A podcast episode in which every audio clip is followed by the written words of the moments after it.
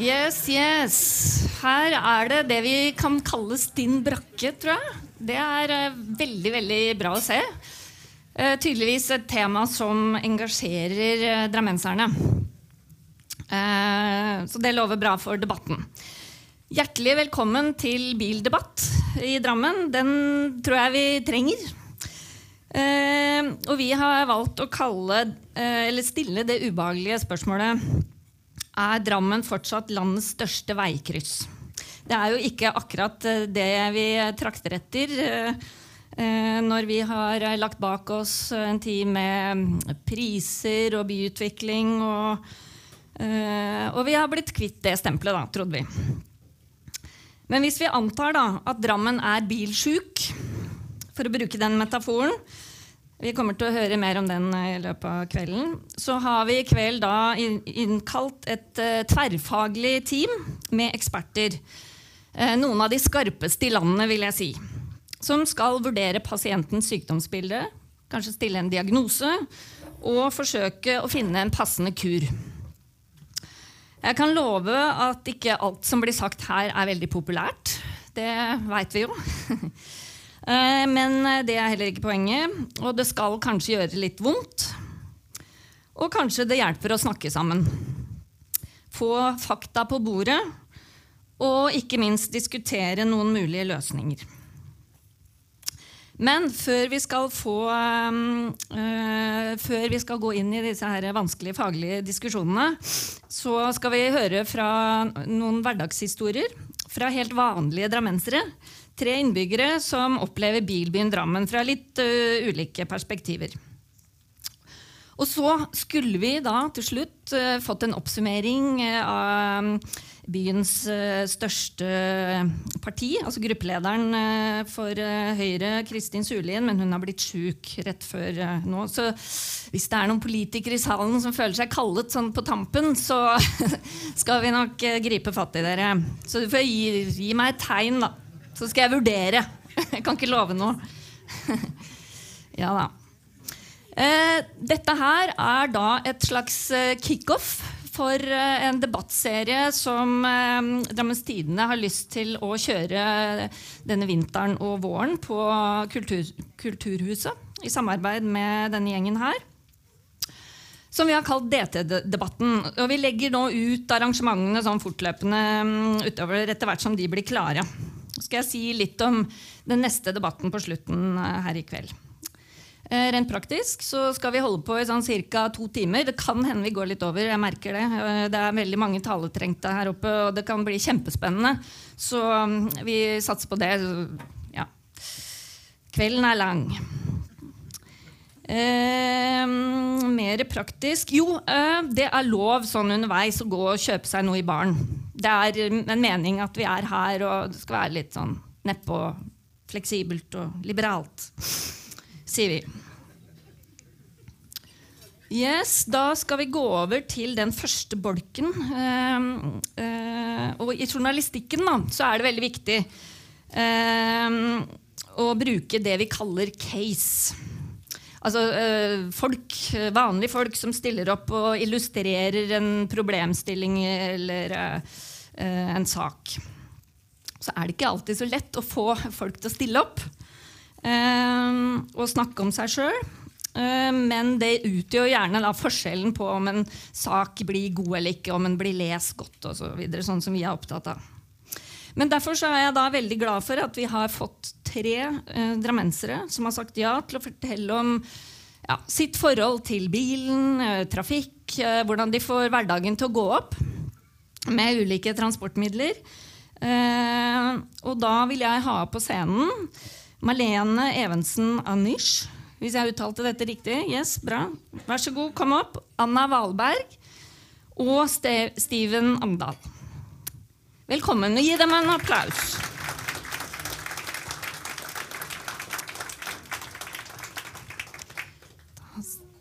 Får dere bare ta plass.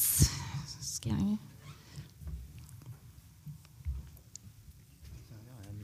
Du er eh, nesten i midten. Veldig hyggelig å se dere, og at dere tok turen. altså. setter veldig stor pris på det. Anna, du måtte jo steppe inn eh, sånn rett før, så kjempesporty. Men vi begynner med deg, Marlene. Eh, du er litt sånn typisk småbarnsmor, bor på Konnerud, jobber på Åsia. Eh, avhengig av bil, som vi sier. Og du representerer en haug med folk. Ja, det er, hallo. Ja. Ja. Det gjør jeg. Hvordan ser denne hverdagen din ut, hvis du skulle liksom fortelle gjengen? Det er jo mye logistikk. Eh, og vi har to biler, og det er jo fordi vi må makse Hva skal jeg si, den logistikken som skjer, da. Jeg har jo to kilometer hjem, eh, altså fra hjemme til skolen til datteren min, og så har jeg to kilometer til barnehagen og tolv kilometer da til jobb. Mm. Så enkelte morgener så må jeg levere begge før jeg drar på jobb. Eh, og mannen min jobber i Oslo, så Så han Hei, kjører bil eller tog? Eller han kjører eh, bilen ned til Gullstogen og tar toget derfra. Ja. Dette høres veldig kjent ut Ja. Det, for de fleste. Mm. Eh, hvordan liksom føles denne hverdagen ut? Er det strevsomt, eller hvordan altså, vi har jo ordna oss sånn at vi har det best mulig. Eh, sånn at vi, vi, vi løser det jo, men du kan jo møte på kø og trafikk og uforutsigbarheter i Drammen også. Eh, nå skal det sies at jeg har prøvd meg på pendling til Oslo med bil og tog og diverse, så jeg har jo testa ut litt. Det har jeg Mm. gjort. Eh, så jeg syns jo at dette her er innafor, eh, med en halvveis fleksibel jobb, vil jeg si. Eh, men du skal jobbe de timene også, Mm. så man presser safta ut av den sitronen eh, med idrett på ettermiddagene, bursdager som kanskje begynner klokka fem. Ja. Men hvor, hvis du skulle liksom, hvorfor har det blitt sånn, tenker du? Altså, hvis du skal reflektere rundt det. Altså, jeg tror eh, at vi, vi gjør kanskje litt for mye. Det gjør vi helt sikkert enn det vi gjorde før. Vi kommer sikkert til å gjøre mye mer. Vi skal gjøre mye mer. Vi har lyst til å gjøre mye mer. Det er for mye muligheter. Eh, og det gjelder jo både for unga og vi tar de valga vi gjør, vil jeg si. Eh, man velger jo Altså, jeg har valgt å bo på Konnerud. Mm. eh, og I likhet med veldig mange i andre. likhet med veldig mange andre. Eh, trives, det skal sies. Eh, Men eh, ja, jeg tror vi bare skal rekke over alt mulig.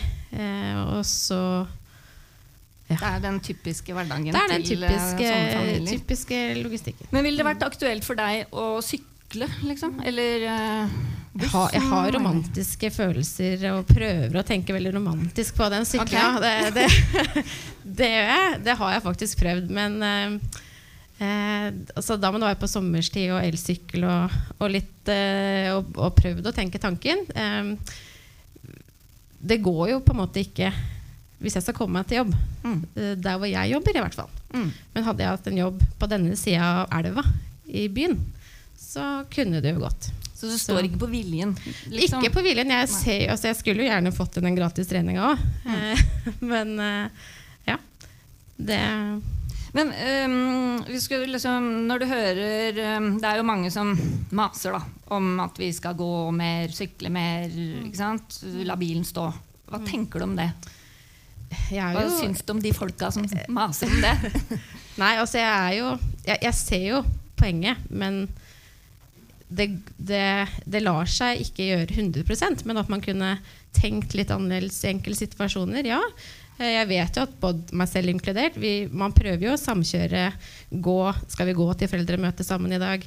Eh, mange gjør jo det. Det gjør man jo på Konnerud også, det gjør man jo her i byen. Eh, hvis man har mulighet, så tar man jo gjerne de mulighetene. Mm. Men eh, ja. Det er eh, tida, da. Ja. Jeg vil jo si det er tida. Mm. Mm. Ganske vanlig eh, problemstilling, det. Uh, hvis vi går over til deg, Anna. Anna. um, nå kommer jo du inn her på litt sånn kort varsel, men jeg veit at du, ehm, du bor på Tangen med barn, kanskje litt større barn. jobber i Oslo. Men syk er sånn helårssyklist. Ehm, hva er grunnen til det? At du velger denne sykkelen, som er liksom hata av mange og veldig vanskelig?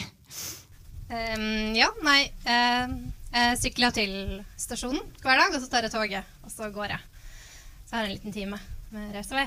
Mm. Um, og det er en innmari fin måte å starte dagen på. På sykkelen med litt frisk luft og litt egentid. Det er ikke alle dager som er like koselig på sykkel. Jo, det er Er det det? beste alternativet, syns jeg. De siste dagene. For meg er det det. Ja. Um, ja, det har skjedd i denne måneden her at jeg har stått med sønnen min og venta på bussen. Uh, og den har ikke kommet. Og til slutt kommer det en nabo forbi som plukker opp han, og jeg har gått hjem for å hente sykkelen og sykla til stasjonen. Mm. Så for meg er det enkelt, pålitelig. Det går alltid i en sykkel. Og, og eh, det er bare å kle på seg, stort sett. Og selvfølgelig 100% avhengig av god brøyting Mm. og godt vedlikehold. Um, som jeg gjerne kommer tilbake til. Ja, for hva er liksom Hvordan er det å være helårssyklist i Drammen? Altså, jeg har jo min lille tur fra merket og til stasjonen. Nå sykler jeg bort hit, som, fra stasjonen og hit til Grønland, som er litt lenger. Og det var litt mer ubehagelig. Så det kan godt hende at jeg har en, en god sykkelvei. Mm. Og da spurte mannen hva kjennetegner en god sykkelvei? Ja, det er jo at den er uh, tilgjengelig. At den er passe godt brøyta, da. Mm. Um, og at trafikkbildet er oversiktlig. Mm. Um, ja. Men uh, da spurte mannen min i stad, så, uh, så sa han Vi har kanskje ikke tenkt sånn superbevisst på det, men det kan hende at vi bosatte oss her på Tangen litt fordi det er lett å sykle. Mm. Vi har ikke tenkt på Konnerud, og det er bare pga. trafikk. Fordi alle trives jo kjempegodt på Konnerud. Men men ville du ha altså- sykla hvis du bodde på Konnerud? Nei, det tror jeg okay. ikke. Det er jo kjempeskummelt. Eller, jeg vet ikke, jeg har bare gjort det på sommeren. Men det er ikke like behagelig. Det skjønner jeg veldig godt. Men du sier at det er fordi det er enkelt, eller er du, er du liksom, skal du redde kloden? Er det liksom derfor du Det er jo et eh, miljøaspekt òg. Men jeg har jo bil, og jeg kjører jo barn til trening, jeg òg. Ja. Mm. Så du er ikke helt perfekt? Jeg er ikke Jo. Ok, ja, greit. Um, Applaus for det. Helt uvanlig menneske. Vi, um, Men, men, men forstår du også? For det, Nå er det jo sånn Nå gir vi jo applaus til de som sykler, liksom. Men, men eh, bilistene får liksom De blir kanskje ikke så eh, beæret da, i, i den diskusjonen vi er i. Hva tenker du om det? Er det Har vi det liksom jo Mitt inntrykk er jo at drammensere er veldig glad i bilene sine. mm, Um, og jeg, vet ikke hvorfor det ikke er flere som sykler, men kanskje at jeg tror kanskje det er litt vane òg. Altså, det er selvfølgelig ikke like tilgjengelig for alle, åpenbart.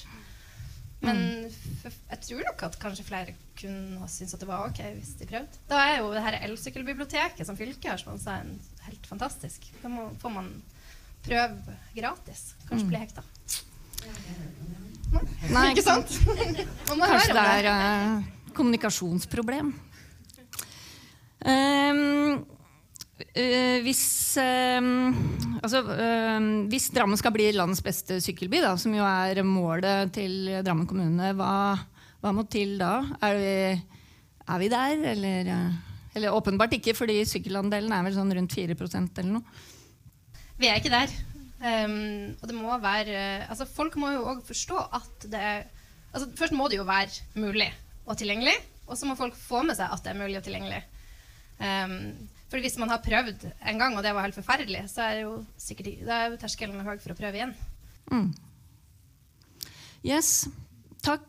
Um, vi må videre til uh, Steven. Uh, du um, Jeg vet ikke hvor mye du sykler og kjører bil, og sånn, men du bor i hvert fall i, uh, i sentrum, på Strømsø. Du har også, vi har skrevet om deg i Drammens Tidende også. Ehm, du opplever denne trafikksituasjonen eh, som litt problematisk. Kan ikke du utdype? Ja. ehm, eh, Så må du holde mikken. Okay. Eh, først vil jeg si da at jeg har vært begge dere.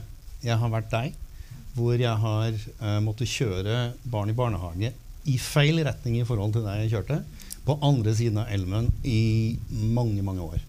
Og det har vært veldig tungvint. Så jeg skjønner deg. altså For å få det der småbarnsgreiene til å gå opp krever et mirakel hver eneste dag. liksom. Og så har jeg vært deg, eh, hvor jeg har bodd på Konnerud faktisk i mange år. Og jeg har syklet, eller gått, eh, til eh, rundt om eh, hver dag året rundt i mange år. Og eh, jeg har lyst til å si det at eh, Ja, det var ikke Jeg skal være rause med applausen her. altså. Ikke så mye lenger nå. Men, men, men, men det jeg kan si med, med annet, at, at det med, med tanke på, på vær og sånn at de beste sykkelturene det, har, det er når det har bøtta ned, eller når det er snødd tett. Det er da det er aller fineste å sykle. Oi, oi, oi. Ja. Ja. Uh, jo, jeg, men nå bor jeg, i byen. da. Ja. Jeg bor i eh, et sted som heter Gyldenløves plass. Det er en liten stripe på 200 meter mellom Tollboden og, og knyttepunktet Strømsø. Eh, jeg pleier å kalle det for uh, Drammens eneste uh, toveis akselerasjonsfelt. Er det sånn? Fordi uh, vi har to Altså det er 40 km i timen der, og de er ganske godt gjemt. Men, men veien er designet på en måte at det er en gresskille mellom to veibaner. Så det, jeg tror det ser ut som en mini-motorvei. Og eh, Så når folk kommer og svinger ut på den veien, så må de altså sette klampen i bunnen, som det heter. Og der bor du. Der bor jeg. Hvordan føles det? Altså eh, Jeg bor jo eh, i en ganske Altså jeg bor jo innenfor uh, indre ring i, i, i byen. Da. Og vi som bor innenfor den ringen her, tror jeg vet at Strømsø har en utfordring. Altså, eller Drammen har en eh, utfordring. Altså, vi er en liten by med et stort trafikkproblem, egentlig. Eh, de som bor litt utafor, tror jeg er har litt samme forhold som en alkoholiker har med drikkinga si. At, at man, man vet egentlig at det er et overforbruk, men, men det er så digg. Og, og Ja. det, det går jo greit. Så eh, Her er det mange som må på avvenning, tror jeg. Så man har ikke lyst til å gjøre noe med det. ikke sant? Men, men vi, vi som bor innenfor, innenfor sentrumsringen, vi ser trafikken. Vi hører trafikken, vi kjenner på trafikken hver eneste dag. Og det stamper begge veier i time etter time etter time. etter time, altså. Også på søndager. Så eh, ja. Så på dette spørsmålet, da. Er vi blitt, eh, eller fortsatt, landets største veikryss? Er det Hva svarer du på det? Altså, det altså Veikryss det er sånn, litt sånn negativ, nedlatende greie som vi sier om oss sjøl. Og når man gjør det, så har man en liten tendens til å kanskje øh, ikke ta det på alvor. Men jeg skal svare tre ting. tre ting. Nummer én, hvis vi er fremdeles et veikryss, så har vi alltid vært det. Vi har aldri sluttet å være det. Nummer to, som jeg sier, vi som bor inne i sentrumsringen, vi ser det. Vi føler det. Vi hører det. Så vi vet at det er et problem. Og nummer tre, eh, Statistisk sentralbyrå fører statistikk på dette med biltetthet i landet. Og eh, det er vel ingen overraskelse at vi troner i toppen eh, hvert eneste år. Vi er jo på pallen hvert år, eh, sammen med Asker og, og, og Bærum. I 2020 så var vi på bronseplass. Og, og bare for det, så det er sagt, så er gapet mellom tredje- og fjerdeplass ganske stort. Altså. Så vi er langt foran alle andre. I 2022 så er vi altså på sølv nå. Så blir det spennende å se hva 2023 blir. Ja. Klarer vi gull? Av de mest av, I hele Norge! I hele Norge. Jeg skal si deg en ting. Det er ikke noe å være stolt av. Nei, det, Det er ikke noe å skryte av. Vi vil jo ikke ha den prisen. Tvedestrand er bokbyen. Drammen vi er blitt bilbyen, altså. Men hva, hva tenker du må gjøres, da? Eh, Du sitter jo da og kjenner på dette hver dag og bor midt oppi det. Hva skulle du ønske, da? Hvis, nå sitter det mye politikere her, blant annet. Ja. Uh, ja. What to do? Welcome to my TED Talk. Uh, skal vi se. Uh, jeg, jeg tror at vi, vi må gjøre det i, i noen fokusområder. At du har et fokusområde som handler om uh, erkjennelse av handling. Altså det handler mer om Drammen kommune og, og politikerne. Så har du eh, informasjon og holdningskampanjer rettet mot drammensere. Det må også bearbeide. Og så må du ha noe Du må ha noe pisk. Og så må du ha noe belønning til slutt. Jeg har noen eksempler hvis du vil høre det. men eh, Tror det- kanskje vi, vi, vi, vi skal ha et sånn fagpanel som kommer både med pisk og gulrøtter, tror jeg. Så ja. kan overlate det til dem. Ja. Uh, er det noe annet dere nå liksom brenner inne med? Tenker det som liksom kommer til eh, dere akkurat nå? Før dere blir skyssa ned igjen? Anna? Um, jeg har registrert at uh, Greenspeed, eller sykkelsjappa ved stasjonen, antagelig, eller kanskje må legges ned. Og det for syklister er helt katastrofe, fordi jeg vet seriøst ikke hva jeg skal gjøre hvis de forsvinner. Så vær snill, gi de noen bra lokaler. Ja, da er den sendt ut. Uh, vær så god, uh, Marlene. Sånn som jeg ser det, altså det er jo den uh, offentlige transporten vi har, går jo på hjul her. Mm. Og den funker jo ikke alltid heller. Mm. Optimalt. og jeg ser jo at Bergen og Oslo altså Det, det fins T-baner, det fins trikk altså Det fins andre ting. Jeg skjønner at det koster mye penger. Men det korresponderer kanskje litt mer direkte forbindelser. det koster kanskje mer penger også? Ja. Mm. Altså, det er jo det som altså, Hadde det gått en, en, eller annen form for litt mer direkte forbindelse fra Konnerud til Åsia f.eks., uten å bytte Bybane. Bybane, rett og slett. Liksom bytte tre, fire, fem busser innenfor samme by. Mm. Det er jo der, der, det frister jo ikke når du kan sette deg i bilen og kjøre. Men Er du også sånn bekymra for at vi liksom får dette ryktet igjen? og sånn? Går du og tenker på det? Eller er det Nei, man er jo født og oppvokst med det, da. Ja. Sånn sett. Ja. Man er jo det. Ja. Det går an å være stolt av bilbyen Drammen nå, da? Ja, nei, altså, nå har ikke jeg opplevd uh, på nervene som kanskje du gjør med å bo midt oppi det. Jeg unngår jo det mm. uh, sjøl. Uh, sånn sett. Jeg vil jo ikke være i byen når det er mest mulig trafikk. Jeg er jo i byen for å kose meg, og da tar jeg kanskje bussen med ungene for en sånn kulturell opplevelse som de syns det er, med å gå rundt i byen og sånne ting. Men ja.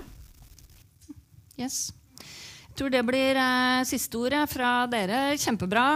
Um, gode beskrivelser og tydelige tilbakemeldinger som vi skal ta med oss videre i den uh, neste bolken. Tusen takk skal dere ha, og um, stor applaus. Vær så god. Da blir det en litt sånn naturlig pause her, så hvis det er noen som skal i baren, så kan dere gjøre det. Uh, og... Um, Eh, ellers så skal jeg be de andre nå komme opp. Det neste panelet. Skal vi se Én, to, en, to, tre. Sitt hvor dere vil. Skal vi se Sånn.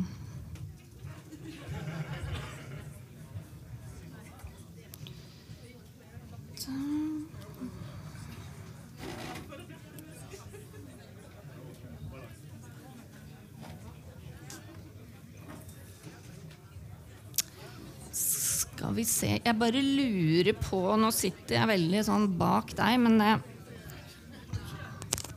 kan ikke, kan ikke du Det kommer eh, Ja. Nei.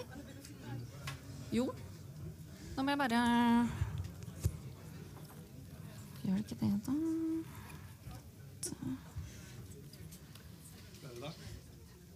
Yes. Jo, Arnt Einar. Mangler vi. Litzheim.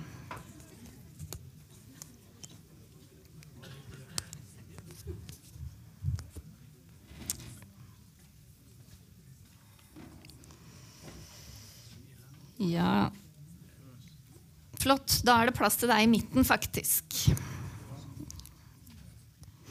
Ja, Da går vi over til denne hovedbolken. Da. og Som dere ser, så har vi fått på plass uh, da, dette tverrfaglige ekspertpanelet med faglig tyngde og sterke meninger. Og mye på hjertet. Så det, det er bare å spenne seg fast. Uh, uh, vi har liksom spurt om hvor, hvor, ille står det til med Drammen. og er det noe håp? Uh, hvor bilsjuke er vi, på en måte. Nå har vi jo hørt litt fra, fra innbyggere uh, hva de tenker. Og så skal jeg bare minne litt om da, disse utfordringene som Drammen står overfor. Dette kjenner dere jo godt, men dette er liksom grunnlaget for uh, det vi skal snakke om. Uh, Drammen har ambisjoner om å vokse, men uten at trafikken, altså biltrafikken vokser tilsvarende. Det er jo det som vi kaller nullvekstmålet. Eh, og så skal Drammen bli landets grønneste kommune. Det står i da kommuneplanens samfunnsdel. Eh, og har ambisjoner om å bli Norges beste sykkelby. Men hvordan skal man da få til det når trafikken bare øker og pengekassa er slunken?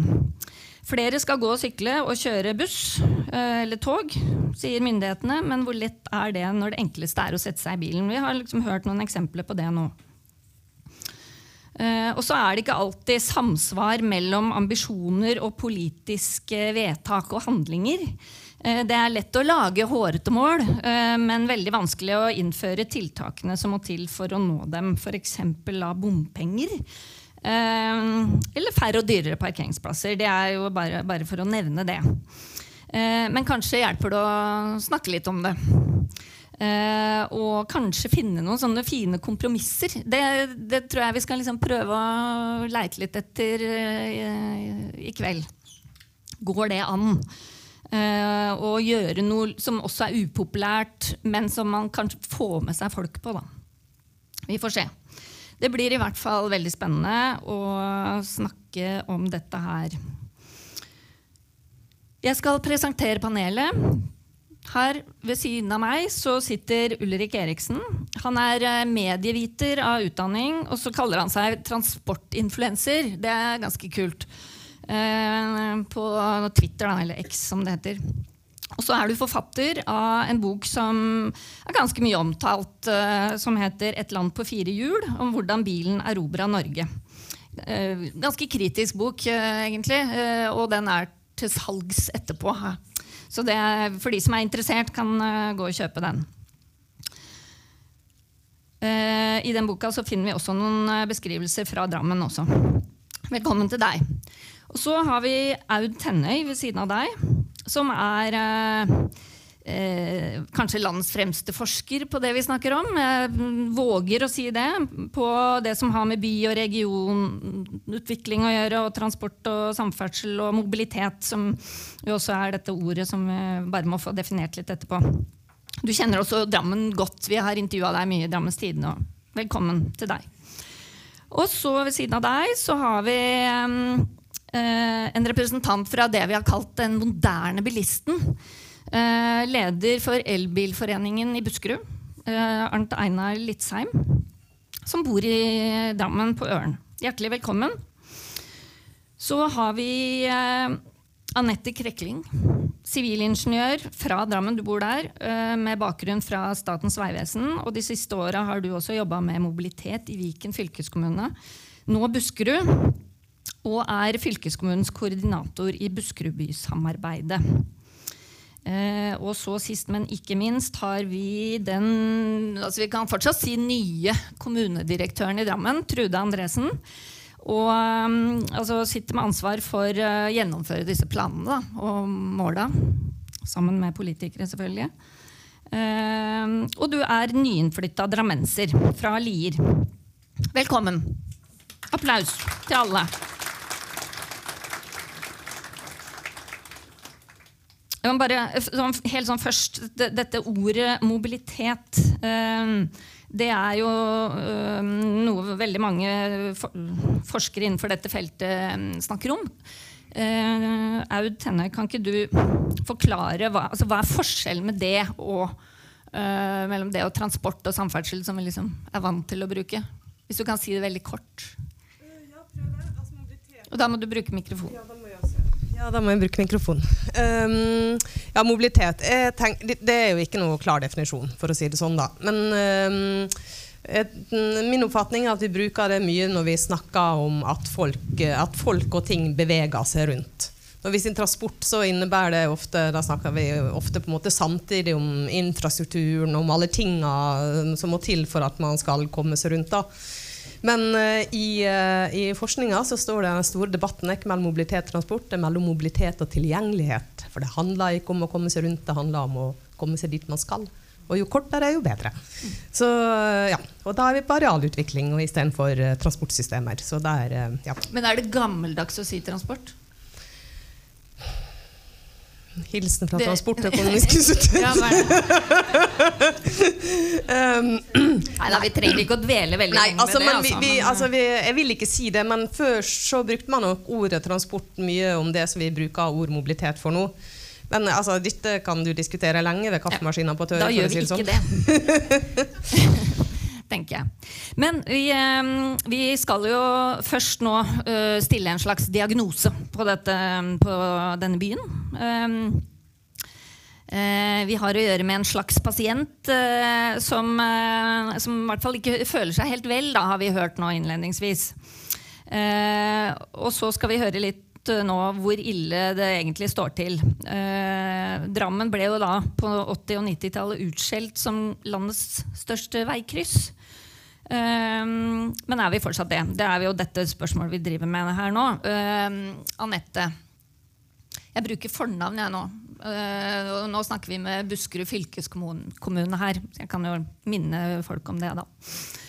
Uh, du har noen ferske tall, uh, og kan vel egentlig nå liksom diagnostisere litt ut fra det. Kan jeg be deg om det? Hvis du kan eh, ta en liten eh, runde. Jeg kan prøve. Ja. Eh, nå har jeg akkurat lært litt om eh, parforhold og parterapi. Jeg har lært at det siste nye nå er at du skal absolutt ikke snakke om det som er vanskelig. Så jeg Oi. lurer på om dette er en kjempe... Ja, men det er ikke parterapi. Det er, eh, det er noe helt annet. Men vi kan snakke om det. Og du spør eh, om, Nor om Drammen er, er fortsatt uh, Norges største veikryss. Og jeg syns jo ikke at Drammen er et veikryss. Det er jo en by, og det er en flott by. Og det har en potens et potensial til å være en helt uh, fantastisk by. Eh, Men som veldig mange andre byer i verden, vi er i godt selskap, så har vi forsøkt å løse transportutfordringene våre med å bygge mer vei. Eh, og som alle andre byer så erfarer vi at det gir jo over tid bare mer trafikk. Det kommer vi tilbake til, tenker jeg. Men hvis du ser sånn helt konkret nå, så på veksten i personbiltrafikken for hele byområdet, så har vi klart å holde nullen, da, kan du si, eh, siden 2016. Som er det vi liksom blir målt på eh, som referanseår eh, på måloppnåelse, da, på nullvekstmålet. Og da snakker vi om denne Buskerudbyen, som jo da er Kongsberg, Øvre Eiker Buskerudbyen består av fire kommuner. Ja. Det er Lier, eh, Drammen, eh, Øvre Eiker og Kongsberg. Ja. Mm. Eh, eh, men det er klart at når vi starta de målingene i 2016, så var vi allerede på et ganske høyt trafikknivå. Det var allerede mye trafikk her da. Eh, og, og det har jo også noe med å gjøre at vi hadde mange store veiutbygginger i perioden 2001 til 2011, ikke sant? det som kjent som Veipakke Drammen. Vi skal ikke dvele ved det.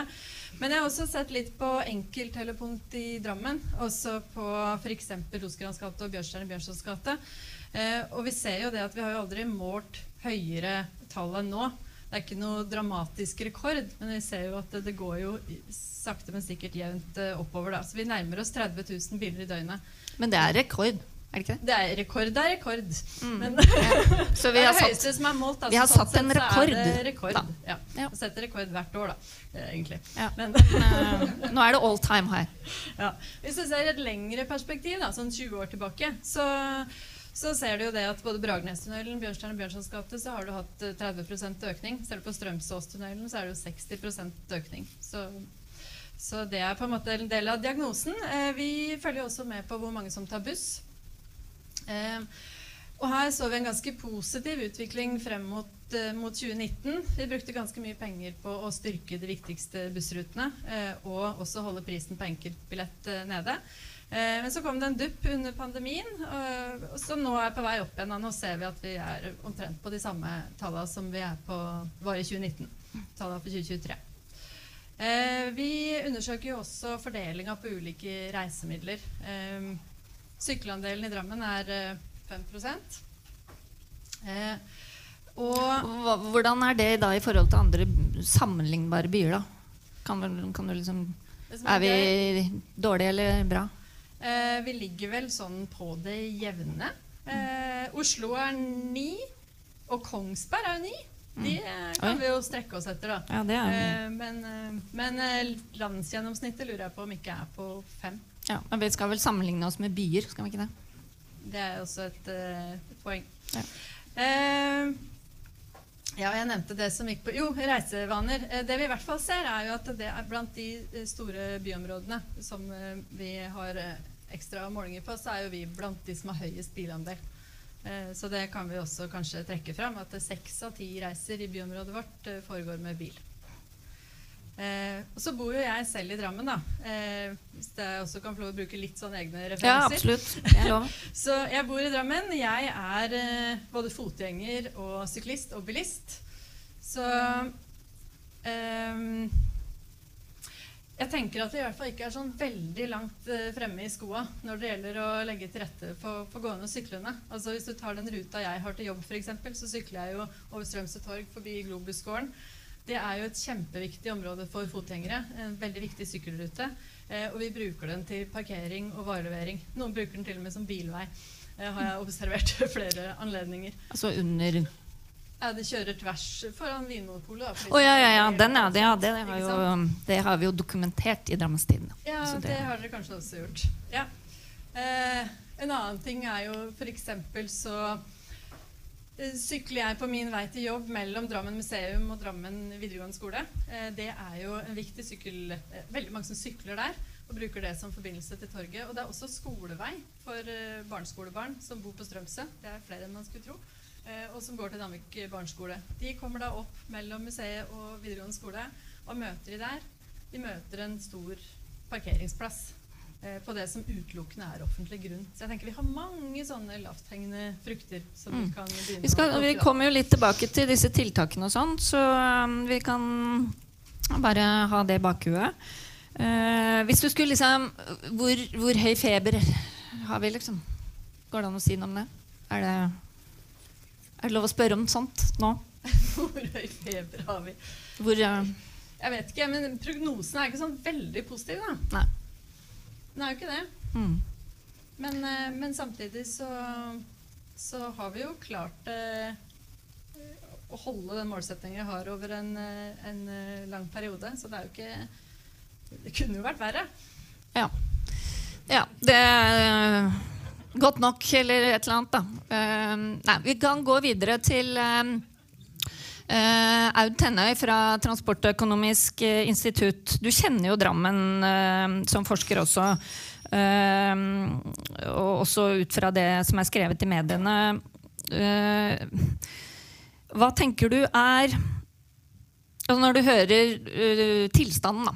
Eh, hva, hva er årsakene? Altså Hvis du kan ta de viktigste forklaringene på hvorfor det blir som det blir. Altså mikrofon. Hallo. Det handler veldig mye om arealutviklinga. Nesten alltid så gjør det det. Man sier arealutvikling eller arealstruktur er all transports mor, og det er jo sant. Um, samtidig så er ikke Drammen trukket noe verre stilt enn andre der, så det er kombinert med eh, veldig god biltilgjengelighet. Eh, jeg så noe, jeg sjekka tallet jeg hadde fra noe greier jeg har gjort. Eh, Drammen er blant dem som har veldig høy andel bilandel på, reise, på arbeidsreise til sentrum. Der pleier jo de fleste byene å ha mye lavere bilandeler på til, eh, arbeidsreise til sentrum. Og da tenker jeg at Det må jo bety at eh, det er utrolig mange parkeringsplasser i Drammen sentrum. Og da tenker jeg ikke bare gateparkering, men all slags parkering. Og når man går rundt i Drammen, eller hvis man Google, eh, kjører litt sånn Google Maps-flyfoto, så ser man jo det, ja. Det er god plass å parkere, lett å parkere. Mye lettere å parkere i Drammen enn nesten alle andre plasser, må det være. Siden man har så høye bilandeler. Så det er jo én ting man ser på. Men um, så har man jobba med kollektivtransporten, det vet jeg. Jeg med Drammen som case i en av jeg og skrevet på nå, faktisk. Der man fikk til en ganske pen økning i, i eh, antall kollektivpassasjerer når man gjorde de endringene som Anette snakka om. Um, men det er jo um, ja, det er jo litt vanskelig Jo, jo mer spredt og rotete en by er, jo vanskeligere er det å få eh, effektiv kollektivtransport, faktisk. I kort til Altså kort nok gangavstand til der folk bor, da. Som er 400-500 meter. Det har vi målt. Så det er jo Nå har jeg ikke sett på sykkelløsningene, men eh, det som skal til Altså det som eh, Anette beskriver, det med at det selv i de områdene meninga man skal gå og sykle. Eh, og som eh, eh, Strømsø-beboeren eh, snakka om, at eh, man har liksom takeoff-rampe eh, i bygatene. Da handler jo det selvfølgelig om at man- har gitt mye plass og rom og speed og mye plass til bilen. Da blir det mer trafikk, mer biler og mindre annet. Det er veldig enkelt, egentlig. Mm. Vi kommer jo tilbake til tiltakene, så da Eller um, kuren, eller medisinen. Eh, jeg har lyst til å spørre um, Arnt Einar Litzheim. Du er jo da eh, eh, bilistenes representant, da, eh, kan vi si her. Eh, hva tenker du? Altså, når du, du bor i Drammen, eh, Er du bekymra for denne utviklingen som vi liksom hører litt om både tall og beskrivelser? Jeg er ganske, Først takk for invitasjonen. Jeg er ganske bekymra fordi at eh, hvis vi tenker eh, 26 år fram i tid, så skal transportsektoren stå for relativt null utslipp. Uh, og utviklingen har jo ikke gått i riktig retning. Uh, og så er det jo fort gjort å grave seg ned og tenke at nå er det ingenting å gjøre. Og det tror jeg er litt feil strategi. Uh, jeg tenker litt på meg sjøl. Altså jeg kjører mindre og mindre bil, selv om jeg kjører elbil. prøver å unngå å reise. Det tror jeg er viktig framover. Prøve å unngå transportbehov. Og det har jeg jo sagt litt innledningsvis. Når du må kjøre motsatt vei i barnehage, så er det jo klart at det er jo veldig lite energieffektivt mobilitet, for å si det sånn. Mm. Men man eh, får jo liksom ikke gjort så mye med det når barnehagen nei, ligger der og jobben nei, der. Og nettopp, og har, Det har jo noe med samfunnsplanleggingen Det må man jo på en måte ha overordna med seg. Så man må prøve å få ned bruken. Og så er det viktig at man klarer å flytte, altså gå mer, sykle mer. Ta buss, tog, den type løsninger. Og så er det jo nå man må bruke bil, varebiler eller vanlige personbiler, man er helt nødvendig for å få det til. Så er det veldig viktig at man da bruker en nullutslippsløsning. Altså at man bruker en elbil. I realiteten betyr det en elbil i dag. Uh, det tror jeg er veldig viktig. Og Hvis man gjør de tingene der, og planlegger i forhold til det, så er det jo et håp. Det som er litt synd, hvis vi går til Drammen, da Nå har jeg bodd lengst av mitt liv i Drammen, over 20 år. Eh, men jeg husker jo hvordan det var når jeg var her og gikk på Lofotshall skole på Stavern og sto på stasjonen. Eh, hvordan det har utvikla seg siden 1989. Eh, og jeg tenker det at det, man er nødt til å, å tenke uh, nytt. Uh, og jeg syns det er litt synd at kommunen har sånne strategier som går på at man skal bli den grønneste kommunen. Og så hørte vi innledningsvis her at man er på sølvplass, og at man er opp på gullnivå.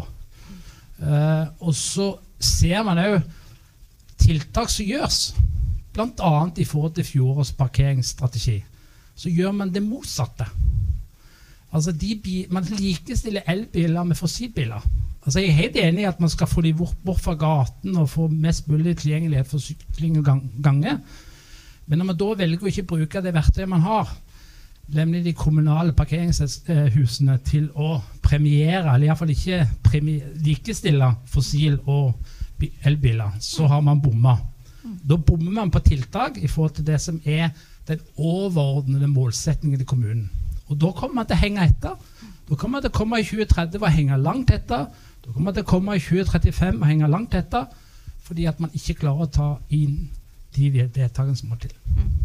Det var egentlig en liten ball over til uh, kommunedirektøren, uh, hørte jeg. Uh, men kan du, um, Trude jeg må spørre deg litt sånn innledningsvis også. Du er jo nyinnflytta i Drammen, bor i sentrum. Hva er din personlige opplevelse, da? Sånn fra trafikk og hvor lett det er å gå eller sykle eller ja? Altså jeg må jo si at jeg, jeg, har jo blitt fotgjenger, rett og slett, nå.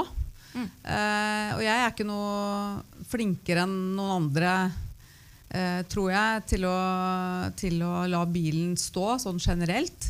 Jeg har bodd 18 år i Lier, fem minutter fra Lier stasjon. Uh, og alle åra jeg jobba i Hokksund før jeg begynte i Drammen, så tok jeg bil. og det var mitt hverdagsvalg. Rett og slett fordi det tok akkurat dobbelt så lang tid fra dør til dør med toget. Selv om jeg hadde fem minutter å gå til toget. Og det handler jo om korrespondanse. ikke sant? Så jeg måtte stå på Drammen stasjon og vente i 20 minutter mens jeg måtte bytte tog.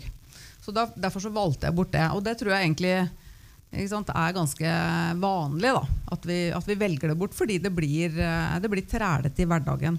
Men nå har jeg blitt uh, fotgjenger, uh, og det er fantastisk. Uh, og, og, nå lar jeg bilen stå. Og det, det, kjennes bra. men det er jo også fordi at jeg bor veldig nært arbeidsplassen min. Jeg har 13-14 minutter å gå til jobben. Og, og, og, det ville vært helt uhørt å, å, gjøre noe annet egentlig enn å, enn å gå. Um, men jeg, jeg, går jo oppover, en liten stykke oppover Konnerudgata på vei hjem. da Eh, og jeg går jo fortere enn bilene kjører oppover Konnerudgata på ettermiddagen. Eh, sant? Så jeg ser jo hvordan trafikken oppover den gata står. Eh, så det er klart at eh, vi har en utfordring med, med kø i Drammen sentrum. Det, det tror jeg vi bare må slå fast. Og er du, er du um, øh, altså det, det ble jo nevnt at det handl, dette handler om arealplanlegging. Og Arnt Einar også var jo litt inne på det at øh, man har noen planer. øh, kan jo nevne arealdelen, da, kommuneplanens arealdel, som jo eh, ikke nå er godkjent av Statsforvalteren, bl.a. fordi man har liksom øh, lagt noe boligfelt liksom langt uh, ut i periferien, da, kan man vel si, Eh, som bidrar til mer trafikk. Så øh, du er jo ansvarlig for dette her. Eh, Hva, hva, hva vil du gjøre da, eh, som kommunedirektør for å, for å møte disse måla, egentlig? Eller få de gjennomført? Altså, administrasjonens jobb er jo rett og slett å legge fram et godt beslutningsgrunnlag for politikerne. Og det må være mest mulig faktabasert. Eh, og, og vi må jo finne en slags balanse mellom det som er de, de nasjonale rammebetingelsene, eh, det som staten pålegger oss å ta hensyn til når vi skal mm, arealplanlegge. Eh, og så må vi også selvfølgelig skjele til kommunestyrets ambisjoner. Eh, og, og da må vi også sant, ta inn over oss at eh, vi har, for har et mål om at alle deler av kommunen skal ha utvikling og vekst. Eh, og Det er klart det gjenspeiler jo også da vedtaket i kommunestyret som handler om at vi skal ha boligområder flere steder enn akkurat midt i byen. ikke sant? Eh, og Så får vi innsigelser, og så må vi, så må vi jobbe oss gjennom det. Og til slutt så blir jo det et, eh, eh, en arealplan som både går gjennom forhåpentligvis hos Statsforvalteren, og, og en plan vi kan leve med alle sammen. Men her er det, her er det mange hensyn vi skal, vi skal forsøke å ta. Og min jobb er jo, er jo å legge fram et balansert og, og faktabasert grunnlag for politikerne. Eh, og så må jo vi som lever i politiske systemer, eh, vi må tåle at politikerne fatter andre vedtak enn vi har, eller jeg har anbefalt dem. Men hvor bekymra, når du hører tallene og beskrivelsen her, hvor bekymra er du for Drammens eh, situasjon da, og eh, omdømme? Altså jeg jeg syns jo veikryss er et innmari kjipt eh, begrep. Eh, og det er et kvart århundre siden vi, eh, vi faktisk var, eh, ble kalt det. eh, og, og det var en treffende beskrivelse, uh, syns jeg. Og Drammen har jo vist før at vi kan ta grep.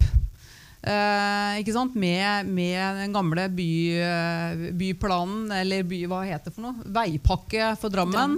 Eh, ikke sant? Og, og det var jo veldig mye trafikk som ble flytta ut av sentrum. Eh, så, så byen har jo vist før at, eh, at de grepa kan vi ta. Men hvis, hvis du går tilbake igjen til den beskrivelsen din om, om bilsjuk, da. Eh, så hvis du tenker at Drammen er en mann, så kan du jo mm, Altså vi vet at menn går litt for seint til legen. Ja. Ja. Så, så jeg tror jo at Drammen Vi kommer dit. Vi, vi, vi skal ta grep. Eh, og så, så handler det om eh, de, de sunne diskusjonene, tenker jeg også, som kommunestyret skal ta. Det var, eh, det en god beskrivelse, det. Eh, Da hopper vi over til en mann. Eh, um, Ulrik Eriksen, eh, ut fra det du nå har hørt og eh, fra de, de som har snakka hittil Hva er din diagnose? Altså, litt sånn med tanke på hvorfor har det blitt sånn i Drammen? Ja, jeg skal gi Drammen det at det her er ikke et problem som er unikt for dere. Nesten alle norske byområder har de samme problemene. Og det er heller ikke deres generasjons feil. Eller det har pågått i 50-60 år. Uh, og jeg tror heller ikke at vi skal si at uh, denne bilsyken i Drammen er en infeksjon. Fordi den er, uh, som en tidligere var inne på, det er mer snakk om en sykdom. Virus? Nei, det er et, en avhengighet, og som ble nevnt her. Så, det er, men det er ikke alkohol. Uh, det her er et destruktivt rusmiddel som man i utgangspunktet trodde var en medisin, men som har vist seg å være et rusmiddel. Eh, og i utgangspunktet så tenkte man jo at biltrafikk det er en sunn og billig form for transport. Eh, og så har det vist seg etter hvert at det har sine veldig store ulemper som gjør at pasienten blir ganske syk. Da.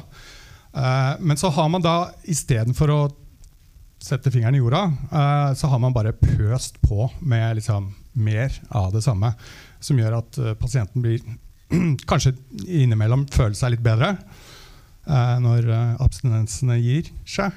Men så kommer, kommer problemene etter hvert. Altså, vi, vi trodde jo også at kokain var et legemiddel for 100 år siden. Men Ja, men nå Det kan jo også brukes som medisin. Ja, det er ikke sant? Eh, Men det virker bare ikke så godt i lengden. da.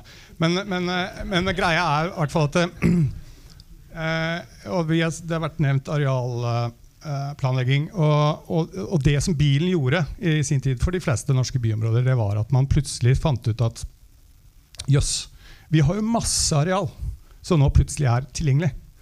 Og hvis vi bare har bil, så kan, eh, så kan vi flytte liksom, eh, til en villa eh, eller en enebolig en rekkehus. Altså, vi kan bo på Konnerud, vi kan bo i Nedre Eiker, vi kan bo eh, langt oppe i Åssiden. Vi kan bo veldig mange steder som tidligere var umulig å nå eh, fordi det ikke var andre eh, kommunikasjonsmidler enn å gå. Eventuelt litt tog og, og sånne ting. Men, men det gjorde at man hadde helt andre muligheter. Og det er liksom grunnlaget for byutviklingen i Drammen og veldig mange andre norske byområder. Og det er det vi liksom fremdeles sliter med. Fordi når du, har, når du lager et så spredt byområde, så ber du om bilavhengighet. Du gjør, på en måte, du skaper et problem som det er veldig vanskelig å komme ut av. Og når du har skapt en bilavhengighet, så vil du også få problemer med å få inn andre kommunikasjonsformer eller andre eh, former for transport. Du vil få problemer med å få folk til å sykle fordi det er veldig lite attraktivt. Det er vanskelig å få plass til sykkel, det er farlig. Det er vanskelig å få folk til å gå fordi det er lite fortau, det er mye biler, det er farlig. Og lite attraktivt. Og det er vanskelig å få folk til å ta bussen fordi bussene ikke går der folk bor. Fordi det er ikke mulig av økonomiske årsaker å få alle til å få en busslinje. Så du kommer inn i en sånn eh, situasjon som veldig mange, norske byområder har, eh, og som Drammen også har. Og men så er det det, da, at som veldig mange andre norske byområder, så har man trodd at det er mulig å bygge seg ut av problemene. Eh, Rosenkransgata sto ferdig i 1961 med fire felt. Da trodde du at eh, ting var løst. Eh, Holmenbroene sto ferdig i 1966. Da trodde man at ting var løst. Motorveibroa sto ferdig i 1973. Da trodde vi at ting var løst. Eh, sånn kan vi holde på. Altså, Strømsåsen-tunnelen sto ferdig i 2001. Da trodde vi at ting var løst. Ny motorveibru i 2005. Da trodde vi at ting var løst. Eh, men fakta er jo at biltrafikken, som har vært nevnt, aldri har vært mer enn det den er nå. Og det tyter ut. ikke sant? Du kan putte det inn i tunneler, du lage nye broer. Det vil tyte ut til slutt. Og eh, biltrafikken vil på en måte gjøre at det blir vanskelig og uattraktivt å bo sentralt. Og så blir det mer folk som vil bo usentralt, og så har du det gående igjen og igjen og igjen. Eh, Arnt Einar, hva, hva tenker du om det du hører her? Er det, blir det litt sånn svartmaling, tenker du? Eller eh, er, eh, er det en avhengighet du eh, føler at du eh, har? Jeg tror, ikke, jeg tror ikke man skal på en måte sette likhetstegn framover med det der. fordi jeg tror kanskje at uh, vi kommer til å se nye mobilitetsformer komme fram. Uh, smarte mobilitetsformer. Man ser jo at eh, man tenker i de baner. Uh, det er jo ikke gitt at eh, verden framover og byen fremover kommer til å ha en haug med folk sittende én og én i hver bil, stampende i kø. Eh, det kan godt være man finner rullende mobilitet som er mye smartere i fremtiden. Eh, autonome, større biler som frakter folk om forbi, så kan gjøre jo noe med sosiale forhold òg i byen. Så, så, så jeg tror teknologien vil hjelpe oss en god del.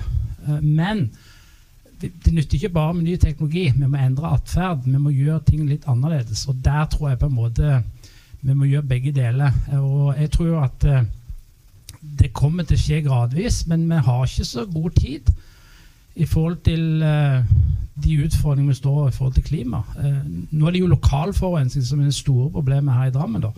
Og spesielt når det er kaldt. så viser det med en gang. Eh, og det er jo ganske urovekkende, og det har jo stor helseskadelig betydning for en god del. For alle, egentlig, men noen mer enn andre. Eh, Trude, du hadde hånda oppe her.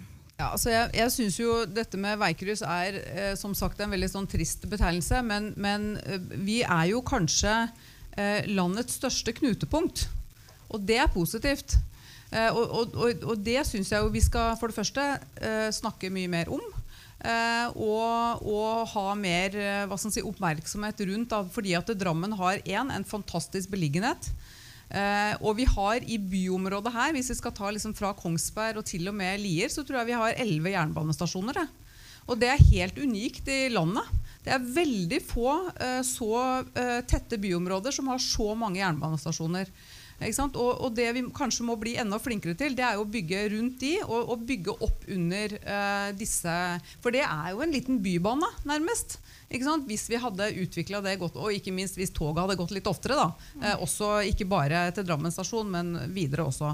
Så, så jeg tror at uh, vi har en del fortrinn som, som vi kanskje ennå ikke har, uh, har brukt uh, ordentlig. Eh, og, og det har jeg lyst til å, å i hvert fall ha mer fokus på framover. Og at vi kanskje trenger å ha litt mer trøkk på det også, gjennom Buskerudbyen f.eks. Det er mange hender her, men jeg har notert at uh, Aud, du rista litt på huet her eh, av det Arnt Einar sa om uh, uh, teknologi, kanskje? Eller hva, at det kommer til å løse seg? Å, ja, det er den teknologien, da. Ja. Eh, ja, nå er jo jeg egentlig ingeniør i bånn. Men uh, den smartmobiliteten den har vi hørt om veldig lenge nå. Og det er ganske interessant. Uh, vi som er på forskningssida, har jo sikkert hørt om den enda lenger. Og det som er gøy, at når du er på sånne konferanser der det er sånne folk som driver med sånt, uh, snakker om det, så er det jo nærmere de er eh, eh, tech-utviklinga, da, jo lengre borte sier de at dette her er. Og nå er det egentlig ganske få som virkelig tror på Jeg vet man driver og tester noen greier i USA og sånn, i amerikanske byer som er litt annerledes enn våre, eh, de, mange av dem. Eh, Men det er ganske få nå som ser for seg at man skal ha disse her som man drømte om en stund, disse autonome flåtene som eh, kjører rundt i byen og ingen eier bil selv man hopper inn og ut. Altså, da snakker man tiår i tilfelle. Og det er jo ikke en god løsning. For når vi snakker klima og miljø og alt det der, eh, så koster jo det enormt mye miljø da, og energi og sånt å bygge sånne biler. Så det er jo ikke en, altså alle slags biler, da. Så sånn sett så ja. Jeg tenker at det er ikke dit man skal. Men jeg tenker også at eh, når man snakker om disse knutepunktene, det også er jo sånne eh, ting som man har drevet og snakka om lenge og sier at hvis man bygger rundt jernbanestasjonen, så blir det lite biltrafikk. Det er ikke sant. Og det har vi sjekka. Eh, Jeg har hatt en lang runde med Bane NOR, gjort jobb for dem f.eks. om hvilke knutepunkt det er lurt å bygge rundt. Hvis man bygger rundt en stasjon som ligger et sted der det i utgangspunktet eh, er mye biltrafikk, for den ligger sånn til, eh, ja, med alt det innebærer, så er jo det utrolig lav andel av reisende i og til og fra det området som kan gå med tog. For den reisende som skal gå med tog, de må jo nødt til å gå bare til de andre plassene der det er togstasjon. Og det er jo ikke overalt. Ved alle skoler eller eh, idrettsplasser eller sånt. Så hvis du bygger eh, i bilbasert område, som er alle områder som ligger langt, langt fra sentrum, så blir det mer biltrafikk. Og nå, Dette har jeg snakka nøye og grundig med departementet om, og de skal slutte å bruke begrepet knutepunkt. Så, så knutepunkt er ikke nødvendigvis da øh, Drammen sentrum? Eller øh, Drammen sentrum er kan man, altså, Begrepet knutepunkt er helt ko-ko ting å si. Altså, man har jo snakka om altså. Man bruker om alt mulig, men altså, man, kollektivknutepunkt det kan man si at noe er. Men en jernbanestasjon er ikke en, et kollektivknutepunkt. Det er en kollektivholdeplass. Hvis det er knutepunkt, så må det være mange linjer som kobler seg sammen og, kan, og gir uh, tilgjengelighet til mange plasser. Så jeg vil jo si, og som jeg har sagt mange ganger før òg, at man må skille veldig veldig mellom det som er sentrum. For sentrum har helt andre egenskaper og kvaliteter, inkludert ja, på alle mulige måter, eh, enn nesten alle andre, enn, alle andre plasser i en by. Så det eneste ordentlige kollektivknutepunktet i alle norske byer jeg vet om utenom Oslo, er sentrum. Og det å kalle en samling med hus for et knutepunkt, det er helt feil. Det er en samling med hus. Ok. Um, det er sikkert mange ting i den arealplanen som vekker litt sånn negative følelser, tror jeg, hos uh, TØI-forskeren. Men vi tar ikke alle nå. Uh, men, men, jeg må bare Du hadde også hånda opp, uh, Eriksen. Uh, men jeg, jeg, har også lyst til å bare ha med et spørsmål som, som går veldig igjen i kommentarfelt og, og denne debatten, og det er at nå er det bilistene som blir hakkekyllingen. Det er de som er ofrene. Um, og, og, alle skal ta oss, på en måte. Og nå uh, Vi kan ikke gjøre noen, liksom. Kan ikke du ta den? Jo, altså det, det, som er jo alltid litt sånn dumt med, med transportdiskusjoner, er at det ofte blir personlig. ikke sant? Altså at det blir veldig sånn, og, og Der har politikerne også et ansvar, tenker jeg. at Det, er, det blir ofte sånn moralske spørsmål. det blir sånn ja, nå er det viktig at dere tenker dere om og begynner å sykle. Altså, kom igjen. Jeg sykler hver dag. Det er ikke fordi jeg skal gjøre verden en tjeneste. Det er fordi det er det klart mest praktiske måten å reise på i Oslo. Helt uten tvil. Og hvorfor er det det? Jo, fordi det er tilrettelagt for det, og fordi det er kompakt. Så enkelt er det. Eh, og hvis det ikke er kompakt, og hvis det ikke er tilrettelagt for det, så er det veldig vanskelig å få folk til å sykle. Og, og dermed så, det, så har det det gående. Eh, og så er det én ting til. og det er at Hvis du skal få ned biltrafikken, som jo er et ønske her, da, og i Drammen sentrum så må man jo få det ganske mye ned hvis man skal få nullvekstmål. fordi å få ned biltrafikken i ytre deler av uh, Buskerudbyen er vanskelig. Så Derfor må Drammen sentrum ta den store delen. Og Eneste muligheten til å gjøre det er eh, bompenger, som det ikke skal bli noe av her. Uh, og da er det et par andre muligheter uh, som ikke er like effektive. Men ok, parkering har blitt nevnt. Der er det sikkert et potensial her. Det tror jeg. Uh, jeg så i byutredningen at den ikke ble nevnt som så veldig viktig, men der tror jeg RTM-modellen kanskje ikke er helt altså der, Modelleringen tror jeg ikke er helt presis, for jeg tror ganske sikkert, som Aud var inne på, når arbeidsreisende blir tatt med bil i så stor grad som i Drammen, så er det noe å hente på parkeringsrestriksjoner. Um, og så uh, er det rett og slett å, å slutte å bruke i, penger på vei. Uh, man kan ikke bygge seg videre ut av dette. her. Uh, og, og, de pengene man sparer på å bygge vei, de kan man bruke til andre ting. Det er måten å gjøre det på. Veldig det upopulært, da. Ja, ja, selvfølgelig er det upopulært. Men, okay, så, men alternativet er ja, Alternativet er jo bare at det fortsetter å øke. da. men det er, det er lov, det òg. Altså. Det, det fins en god del amerikanske byer som som har hatt jevn vekst uh, helt siden krigen. Går bra, det. Men det blir litt rare byer, da. Da er det Anette, du har venta veldig her nå. Sleng deg på det du Jeg har bare lyst til å kommentere først det, det Ulrik sa. Altså, det er det færreste som velger å sykle av hensyn til helse og klima. Jeg gjør heller ikke det. Jeg sykler det fordi det gir den beste totalopplevelsen. Og, og det jeg har bare lyst til å nevne, de jo, Jeg hadde en intervjuundersøkelse i København. Der er det veldig mange som sykler veldig mye. ikke sant? Og det, det her med helse og klima kom langt ned på lista. Altså Det folk svarte, er jeg sykler jo fordi det er det nærmeste. Det er den beste, beste løsningen. Det er derfor man velger å sykle. Men hvorfor velger ikke flere det, da? I Drammen? Fordi det er ikke den beste løsningen for veldig mange. Det kan vi komme Men er det for enkelt å kjøre bil, da? Eller? Jeg har litt lyst til, uh, hvis jeg kan få lov mm. og, For jeg syns vi hoppa litt fort over hvorfor det har blitt sånn. Ja. Uh, og, og, jeg tenker det henger sammen med at vi får mer av den transporten vi legger til rette for. Og som du sa, de siste 60 åra har vi lagt til rette for å kjøre bil. og vi har gjort det på bekostning av særlig de gående og de syklende. sånn at Min påstand er at vi har drevet med det så lenge at vi har blitt litt blinde da, for hvor mye vi gjør det. Eh, eh, og vi har bygd mye vei, eh, og så er det sagt her, økt veikapasitet gir mer trafikk. Og det, og det finnes, så langt jeg kjenner til, ikke noe by i eh, verden som har klart å, å, bygge seg ut av trafikkproblemene som bilen gir. Men jeg har lyst til at vi bare forklarer kort hvorfor det er sånn. og det er jo sånn når du, når du bygger et veianlegg så får du jo sånn automatisk mer trafikk, eller mindre, mindre, kø, og det blir bedre tilgjengelighet med bil. Og så opplever jo folk at å hei, det går jo fint å kjøre bil. Det blir mer attraktivt å kjøre bil. Så da kjører flere bil. Men det er ikke bare det som skjer. Det som også skjer, er at de tenker at hei, det går jo så greit å kjøre her at jeg kan bosette meg lenger unna. Eh, og så får du etter hvert, Over tid så utvikler det seg også et større transportbehov, som gir igjen mer bil. Så det er på en måte litt viktig å skjønne hvordan den mekanismen fungerer. Da. Og det er på en måte den virkeligheten vi må, må forholde oss til. Eh, og så kan man selvfølgelig bygge mer veikapasitet. Så kan man forsøke å stagge den trafikken med bompenger. Eh, men, men vi ser jo flere steder at det er jo ikke nok. De siste tallene fra Bergen nå, så har man jo kanskje forsøkt litt på akkurat det. Og da ser vi at traf trafikken vokser jo allikevel. Så bompenger hjelper ikke mot det. Men det, det kan jo bygge mer vei. Da. Det kan Med jo bygge mer vei.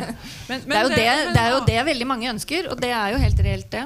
En annen ting er jo at eh, det er veldig ofte at vi forklarer de reisevanene vi har i Norge med topografi, altså stigningsforhold. Det er bratt her, det er ikke flatt som i Danmark. Eh, og med klima. Det er kaldt, og det er snø og vinter.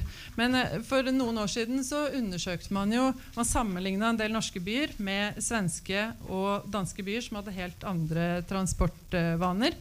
Eh, og det man fant, var at det var ikke egentlig topografi og klima det handla om. Det handla om kultur, og det handla om infrastruktur.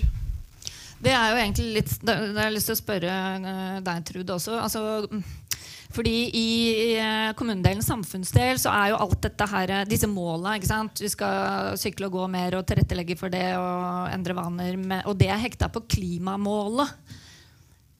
Eh, burde det vært eh, hekta på noe annet også? At det handler kanskje om noe annet. Kultur, da, f.eks. Man, hvordan kan man eh, i kommunen jobbe med å endre en kultur? Det er jo ikke spesielt lett. Det ser vi jo etter kommunesammenslåing. det er mye kulturkrasj der. Ja, det, er, jeg synes det er litt vanskelig å, å gjøre, gjøre en sånn analyse, egentlig. Men jeg, jeg, jeg tror kanskje vi har hatt litt for lite fokus på helse i forhold til uh, biltrafikk og, og uh, ba, bare liksom eh, eh, Luftkvaliteten i Drammen er jo et argument for å diskutere dette. Eh, Så, så er vi ikke opptatt av klima, så, så er det iallfall mange som er opptatt av helse. Enten til seg sjøl eller barna sine eller barnebarna sine. Eh, og og, det, det er jo dager i Drammen som er ganske helseskadelige, rett og slett, i sentrum. Eh, og det, det er jo en innfallsvinkel til dette arbeidet her, da. Men der vil jo Så- kanskje elbilen også komme som et argument. eh, Eller hva tenker du? Elbilen er jo bedre enn en fossilbil. eh, Men du løser jo ikke, du løser jo ikke utfordringen med å bare erstatte alle fossilbiler med elbil. Mm. Du må gjøre flere ting. eh, Men det hjelper i alle fall ikke å likestille elbilen og fossilbilen. Eh, Du må jo premiere den sånn at man klarer gradvis å få ned forurensningen. Eh, Mot et eller annet punkt. Uh, Og helst mot null en annen gang. Uh, Men jeg tenker det at jeg tror jo at hvis man går ti år tilbake igjen i tid altså Det er alltid lurt å se litt bakover og se utviklingen som har vært. Og det har vært en ganske stor utvikling. Og jeg opplever jo både på teknologisiden og ikke minst på bilsiden i forhold til forurensning. Og så tenker jeg at det, det kan jo være at det kommer til å skje ting som vi ikke ser i dag. Ting som kanskje ikke forskere ser eller andre ser. Eh, og så tror jeg det er viktig å legge noen eh, begrensninger på et eller annet vis eh, på aktiviteten. Eh, Vi kommer, og- vi kommer litt ja. tilbake til det. Jeg skal bare innom en sånn egentlig et sånn leserspørsmål. for jeg har fått noen av de før denne debatten. Egentlig litt sånn grunnleggende. Altså, hvorfor skal vi egentlig gå og sykle mer? Hvem vil ta den? Eh, var, jeg tror Anette var først der. Jeg har ikke svaret, men jeg tror at spørsmålet er veldig relevant og veldig viktig. For jeg tenker at det, det kan hende at det er tilbake dit vi skal. Altså, vi har jo masse mål om 20% sykkelandel. Vi har, skal være færre ulykker, og flere skal gå og sykle til skolen. og alt sånt, men, men det hjelper jo veldig lite hvis det er bare formuleringer som står i overordna planer. Så det kan hende at vi må tilbake helt dit og starte der. Hvor er det faktisk vi skal? Også i de europeiske byene som jeg kjenner til, som har lykkes med å skape denne type positive endringer, da, så ligger det jo en politisk drive og en, en klar retning bak. Ehm, Så, så det er kanskje det vi må, må starte, og som Trude sikkert kan uh, følge opp på. Men eh, eh, vi vil vokse, sier vi. Ja, hvorfor vil vi vokse? Hvordan vil vi vokse? Altså, vi må begynne å stille de helt grunnleggende spørsmålene da, for å finne, finne en, en retning på hvor vi skal, hvorfor vi skal dit, og, og hvordan vi kan komme dit. Så tror jeg det var Arnt Einar, og så tar vi runden nå. Nei, altså den klare, Vi hørte jo litt tidligere at den klare politiske målsettingen ligger jo der. Man skal bli den grønneste kommunen i Norge. Uh, og Da er det jo bare å sette i gang i forhold til tiltak som bidrar i den retningen. Hvis det er det som er målsetningen. Så man må jo diskutere, Hvis ikke det er målsetningen, så må man kanskje endre målsetningen. Men det er iallfall det som ligger som målsetninger, politiske målsetninger her i Drammen. Og Da må man gjøre tiltak i forhold til det. Og det er det som er påpekt, er at eh, når man gjør det motsatte, så hjelper det ikke. Da tar jeg um, Ulrik. Og så er Ja, altså, grunnen til at vi skal gå og sykle mer, uh, det er veldig enkelt. Uh, det er billig. Det er så billig. Det er den billigste formen for transport. Eh, og den mest lønnsomme sånn, for en by. Eh, ikke nødvendigvis for alle, alle områder i Norge. Å sykle kan være ikke spesielt lønnsomt fordi det går litt tregt, men i en by er sykling og gåing ekstremt lønnsomt. Så det å få flere til å sykle og gå, det sparer byen for masse penger. Fordi eh, biltrafikk, veldig, veldig dyrt. Eh, både infrastruktur, infrastruktur, men også kostnadene, eksterne kostnader som biltrafikken medfører i form av støy, støv, bla, bla, bla. bla. Uendelige mengder. Eh, det er veldig dyrt. Men det koster jo veldig mye også, for disse sykkelveiene. også kollektivtransport. Det tenker jo folk er bare er, Men det er også veldig dyrt. Ikke sant? Eh, Så hvis man kan få færre til å ta bussen, så er det egentlig litt bra. ikke sant? Eh, Det er i hvert fall ikke nødvendigvis kjempegunstig å være den der ene som gjør at de må sette opp enda en bussovergang. Så hvis han kan gå, kjempebra. Hvis han kan sykle, enda bedre. Så det er derfor. Det er rett og slett derfor. Det er og det tenker jeg vi må være litt flinke, eller politikere kan være litt flinkere til å snakke om.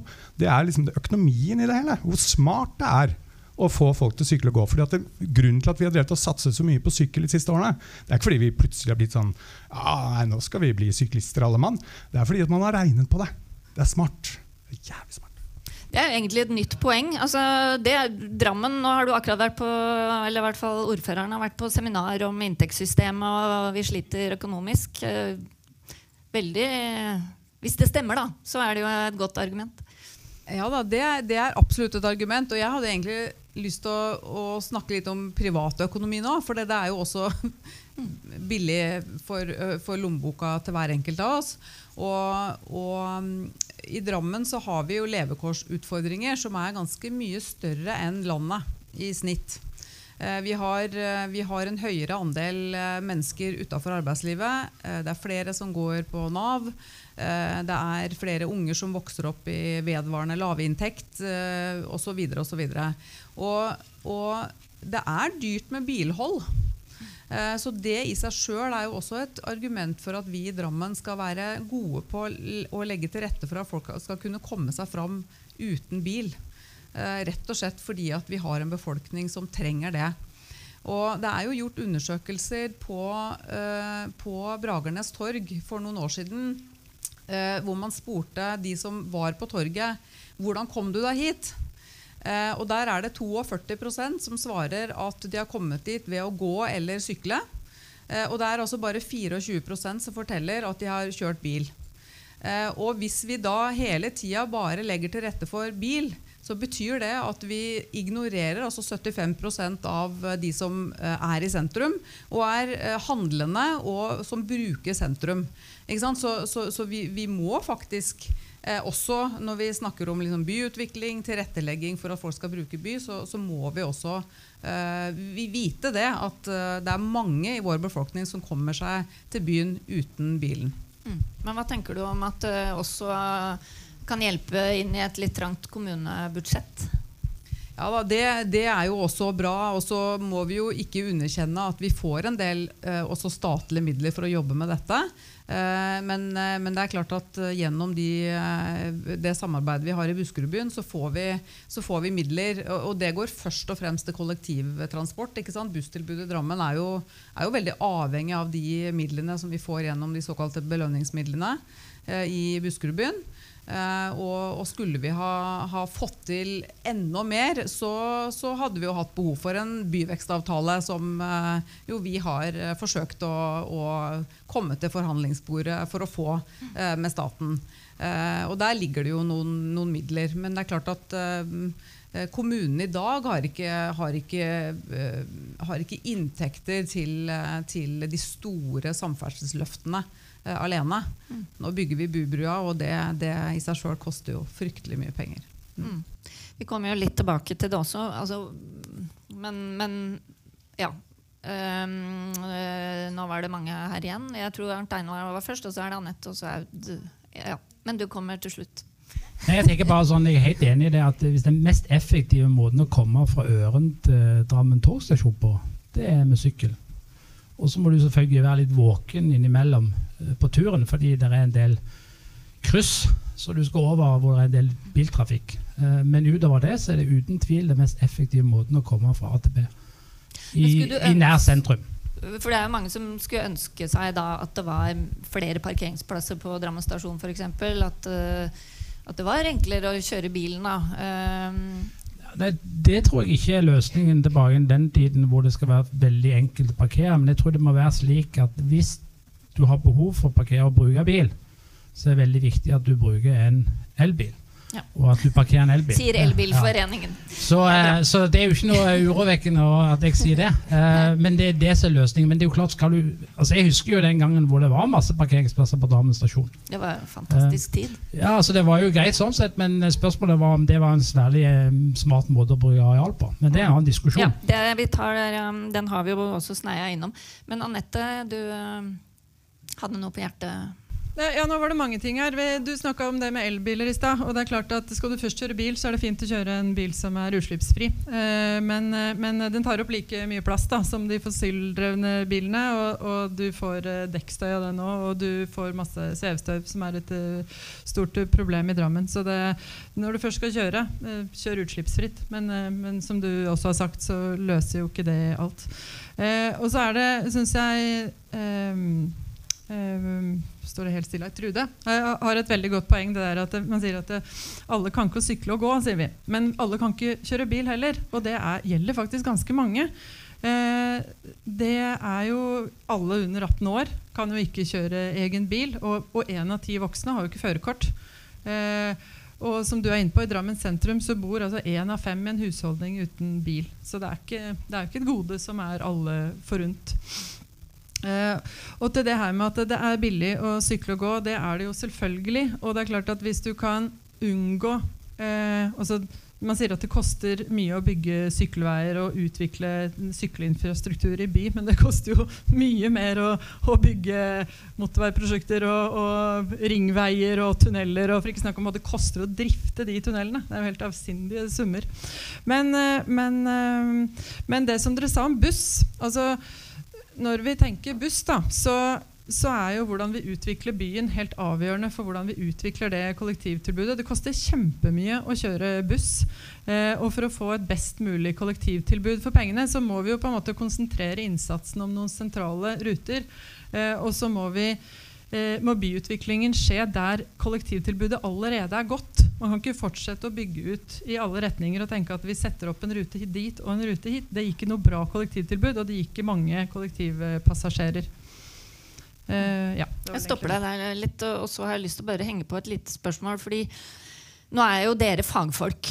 Eh, det, og det er litt av poenget i dag. Vi har, vi har hatt en valgkamp, så dette lokalet har vært full av politikere og politisk debatt eh, og slagord.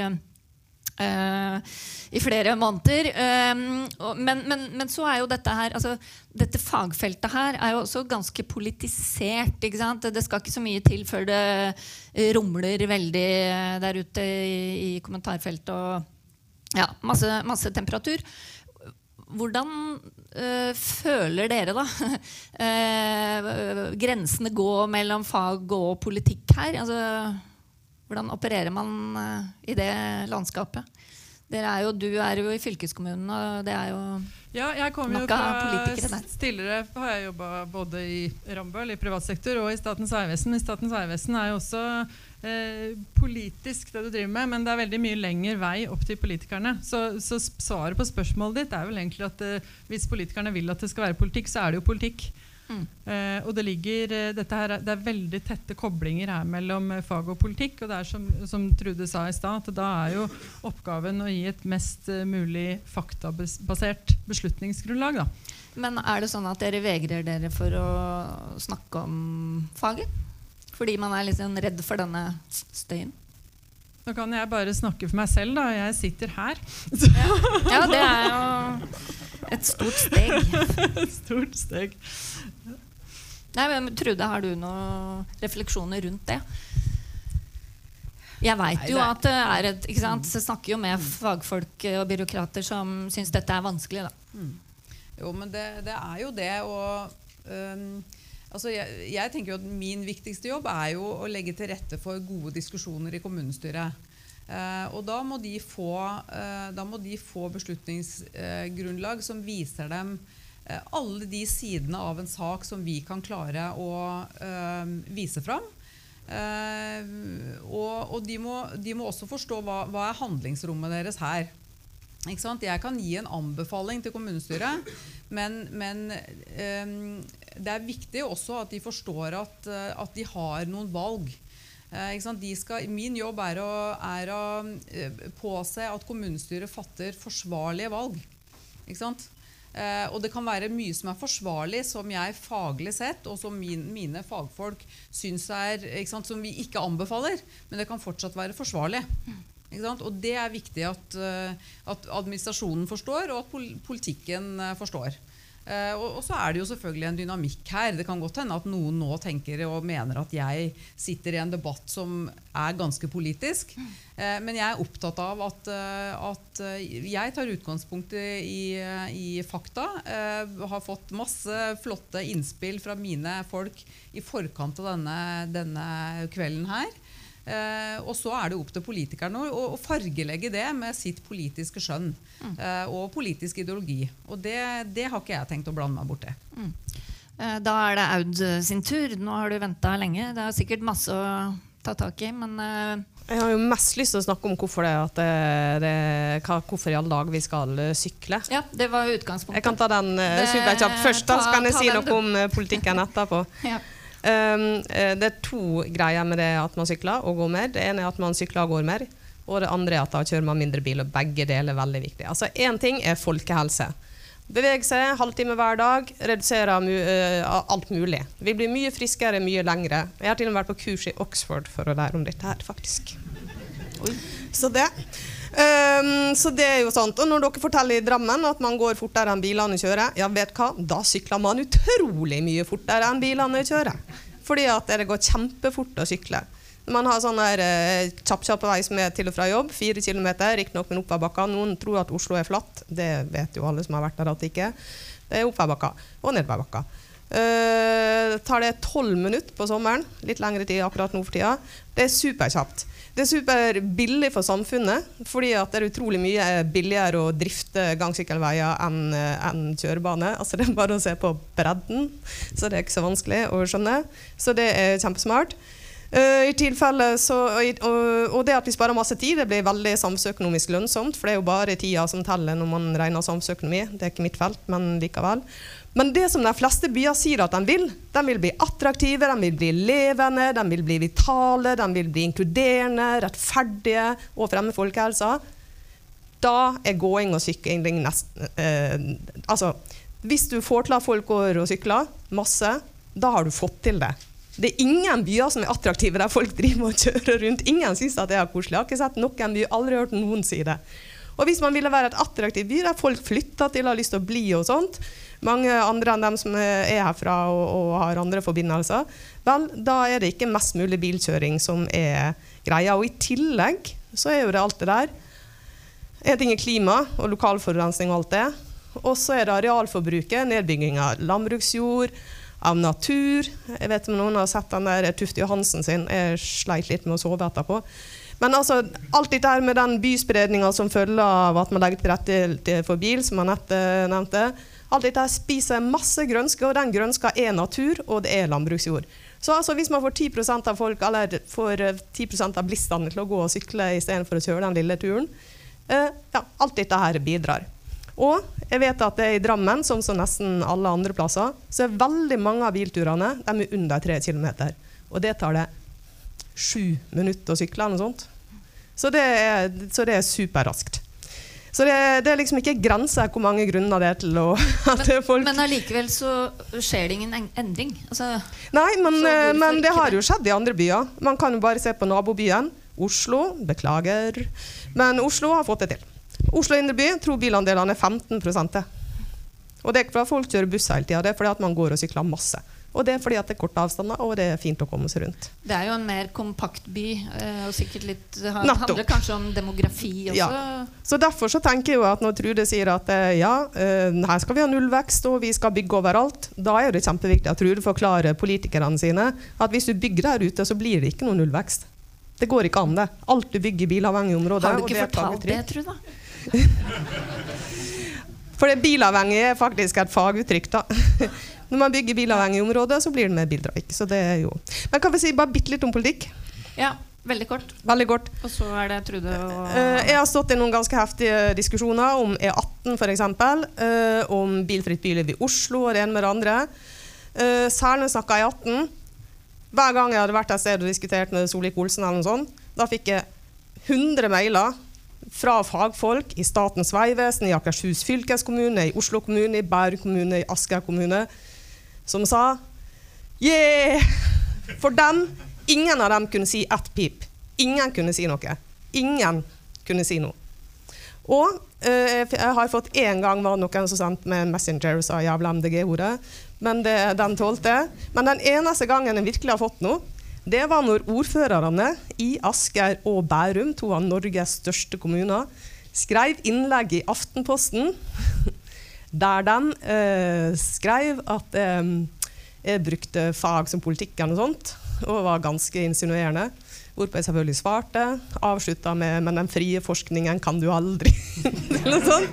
Og, hun gjorde alle oppmerksom, eh, eh, journalistene oppmerksom på at jeg hadde fått på min pult jeg vet hvor den kom fra, en strategi som var laga for Asker og Bærum kommune, en kommunikasjonsstrategi, der det sto at når det gjaldt E18 og kommunikasjon, da skulle man ta mannen og ikke ballen. Hvis det var noen imot, så skulle man svartmale. Så det fikk alle politikerne vite, og så ble det stilt. Nei, alle journalistene fikk vite det. Og da ble det ganske stilt en stund. Men to, to fremstående politikere er de eneste jeg har opplevd som har gjort det her. Nå er jo ikke de her, Nei, men det har stått, det i, men det har stått så, i så- avisa, så det er bare det er, å du google. refererer til en debatt, så vi noterer det. Alle kan bare google i avisa nå. Eh, Trude. Ja, altså jeg, jeg tenker at vi, skal, vi, vi, vi forsøker i liksom fagmiljøene i eh, kommunen å, å plukke opp all den tilgjengelige kunnskapen vi kan om de ulike eh, sant, temaene vi skal, vi skal belyse for kommunestyret. Eh, og, det, og det kan være forskningsrapporter fra TØI, og det kan være andre forskningsrapporter. Så det, så det er liksom Det er vårt eh? Vi, vi, vi må ha et balansert kunnskapsgrunnlag. Eh, men jeg har jo også lyst til å si at alle er på en måte enige om at uh, vi må gå og sykle mer. Uh, og det blir en slags sånn misjon da, uh, rundt det. Eh, og, så syns jeg jo at eh, vi, vi skal også være litt uh, forsiktige med å, eh, å bare legge dette på enkeltpersoner. På, vår, og på enkeltindivider. At du og du og du og du må kjøre ikke sant, eh, og parkere bilen. Eh, dette her er jo sant, det, er en, det er en blanding av at politikken må, må sant, gjøre sin del av det. Eh, Og dulte eh, ikke sant, i riktig retning. Og så må hver og enkelt av oss ta de valga. Og jeg synes jo at Vi starta jo debatten her i dag med å høre om en hverdagslogistikk som jeg tror veldig mange av oss kjenner igjen. Ikke sant? Og, og det skal vi også ha respekt for. Hverdagen skal gå i hop, den. Men så er det noen av oss da, som er kommet dit i livet at vi, eh, at vi ikke trenger å hente og bringe. Vi har ikke noen unger som skal til eh, SFO eller eh, fotballtrening. Og da kan det hende at vi skal ha en ekstra tanke i huet på hvordan vi ordner hverdagslogistikken vår. Eh? Det er ikke nødvendigvis småbarnsforeldrene på Konnerud som, eh, som skal ta liksom, byrden på en måte. da. Og, og det syns jeg også er, vi bør kanskje si litt høyt. da. At det, det er eh, Og arealplanlegging. Ja, da, selvfølgelig. Altså, jeg sier at politikken og, og systemet må på en måte også, også gjøre sitt. Men, eh, men det er noe med å liksom ha litt forståelse for at uh, livet skal jo gå, det Ja, og det var jo hele poenget også med den innledningen. Nå er det, Vi skal ha en runde på disse tiltakene. Vi har jo allerede nevnt det. Men eh, Anette har hatt hånda oppe, og Arnt Einar. Så vi tar dere først, og så går vi videre til uh, Ja, da utgår du nå, og så er det Arnt Einar. Ja, litt sånn oppkjøring til tiltak, fordi at uh, jeg tror det kom fram her ganske tydelig at uh, en del av disse småturene da, som folk tar med bil, det må jo være slik at eh, man kan ikke premiere det. Eh, så man må finne løsninger som gjør at de som virkelig har behov for å kjøre over en viss avstand, de på en måte legger til rette for det, og de som på en måte småturene må eh, på en måte koste litt mer. Da. Eh, og det er jo slik at eh, Hvis jeg velger å kjøre rundt i min elbil i Drammen sentrum hele kvelden, så skal jo ikke det være gratis. Eh, så en eller annen form for prisingssystem her må nok inn, eh, som gjør at du premierer å si, både de som gjør det så miljøvennlig som mulig, men òg at det, det er forhold til det at du kan ikke bare kjøre rundt i ring med en elbil heller. Det er ikke veldig effektivt og veldig lite smart. Yes. Det, jeg bare minner om at det er lov å gå i baren, øh, men nå, og nå kjører vi inn i siste uh, halvtimen her. Uh, høydepunkt. Eh, hva må vi gjøre? Altså, hva er kuren, liksom? Uh, nå har vi snakka litt om måla, uh, hvordan det står til osv. Jeg har lyst til å begynne med deg um, fra Transportøkonomisk institutt. Du sitter jo på mye av forskning, og jeg vet at det er sinnssykt mye. Du kunne holdt på sikkert i to timer til. Uh, men hvis, hvis du skulle liksom plukka en sånn best of-liste for hva Drammen bør gjøre altså, Nå har vi jo vært inne på byvekstavtale og sånne ting, men den ligger langt fram. Altså det, den øh, Da snakker vi sånn 2030, har jeg skjønt. Uh, nå ser jeg på deg, Trude, om du kan bekrefte det. Uh, så hva, hvis- ønsket er, da, uansett, å få biltrafikken ned og bli en mer attraktiv by Yes. Ja, det har vi det bare- faktisk eh, oppskrifter på. Jeg holder dette foredraget 18 ganger og foreleser for mange studenter. Eh, men altså, din, din eh, oppskrifta kan vi, og den har vi kunnet lenge, og den lærte jeg på skolen, liksom. Men altså, det handler om arealutvikling, fortetting og transformasjon i og ved sentrum, i stedet for fortsatt byspredning, som Drammen planlegger å gjøre. Um, det handler om å styrke kollektivtilbudet. Det må være godt nok. Og som det var sagt, eh, det handler mye om arealutviklinga, om det kan bli godt nok. Det handler om å legge til rette for gåing og sykling, f.eks. ved hjelp av infrastruktur. Og så handler det om ned, altså, eh, restriktive tiltak mot biltrafikken, pleier man å si. Og så pleier man å si bompenger, men jeg sier det handler om å nedprioritere biltrafikken. Og det handler, og jeg skal gå bitte litt inn på akkurat den biten, for den, eh, den er egentlig veldig lett, men tydeligvis veldig vanskelig. Det handler jo om at eh, man eh, vi pleier å si, reallokere eh, Altså gjør om areal som brukes av biler, til parkering og kjøring. Gjør om de arealene til kollektivfelt, til sykkelfelt, til bredere fortau, til steder å være. Altså, som at man tar, Og ikke minst fjerne sånne store flatparkeringer. Det er jo det aller verste du kan gjøre hvis det skal være trivelig å gå eller å sykle eller oppholde seg. Annen del av dette her handler om å redusere fartsgrensene. Nå er det mange europeiske byer som driver og reduserer til 30 jevnt over hele byen. Supersmart. Får gode resultat på det. Så det handler om hastigheten. Det handler om også bare eh, stenge bilene ute fra de områdene der man ikke vil ha dem. Og når man snakker om den køa, altså det handler om å bestemme hvor skal den køa stå, og det omgjør å å flytte den vekk fra der man vil ha effektiv kollektivtransport, sykkel, gåing osv. Um, ja, mye å si om det, men um, det er, det er basicen. Det er alle byplanleggere i Norge, hvis de ikke kan det her, så bør ikke de få hete det. det er grunnpensum.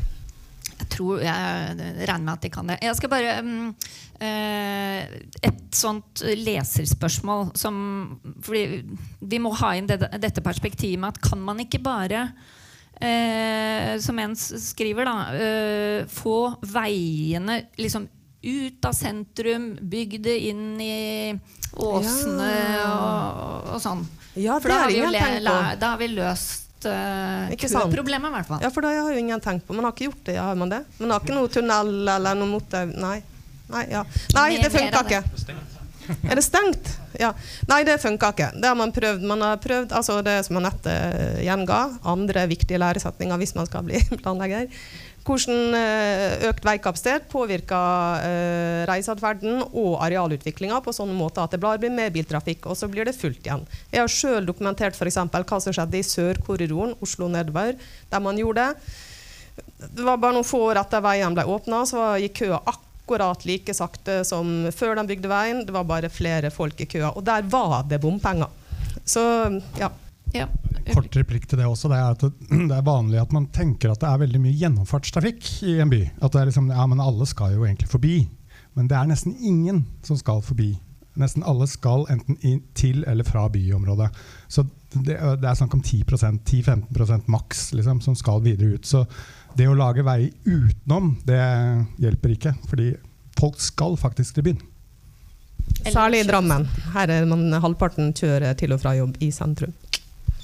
Eh, men hva, kan du si noe om hva er de mest populære altså for det, Dette er et vanskelig tema. Det, det er bare å si dyrere parkering, så blir det ramaskrik. på en måte, Og alt det andre du nevnte omtrent. Eh, men hva er det som av alle disse her tiltakene, hva er det som er minst upopulært? da? Jeg kan si hva som er veldig populært. Altså, bedre kollektivtilbud pleier å være kjempepopulært. F.eks.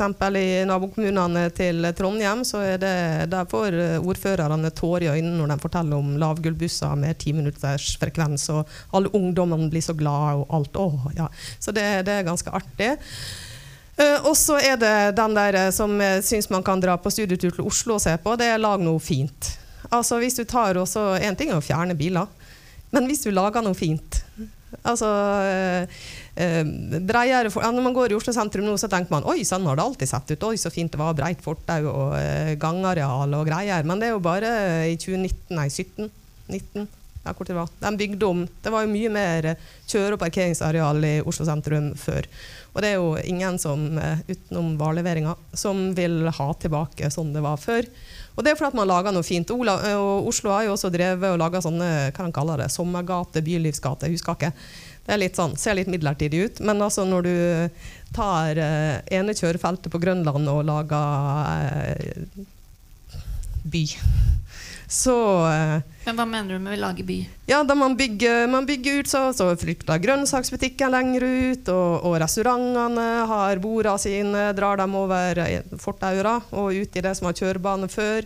Vi har det der jeg bor, på Torshov. Veldig fint. Bare utvida utserveringa til populære ølplassen.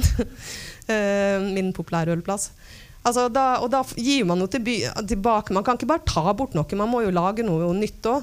Altså, trær. Altså, gatetrær er det noe av det billigste man kan og fineste man kan gjøre. Men da må man ofte fjerne noen parkeringsplasser, dra ut fortauet, få opp gatetrær. Da får du et helt annet sted. Og når du gjør det, da blir folk som oftest altså Man har jo drevet og undersøkt dette her mange plasser. Det er jo ingen som vil bytte tilbake. Hva tenker du om det, um, Trude? Er det mulig å gjøre, altså, gjøre som Oslo? Altså, det er jo også litt upopulært å si. Uh...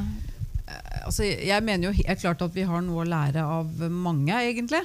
Eh, og, og kollektivtilbud altså jeg, jeg, jo, jeg skulle jo ønske at vi, vi kunne hatt eh, mest gulrot og minst pisk. Eh, og, og det er klart det, det som nevnes her fra, fra Tøye, er det er jo veldig fine ting.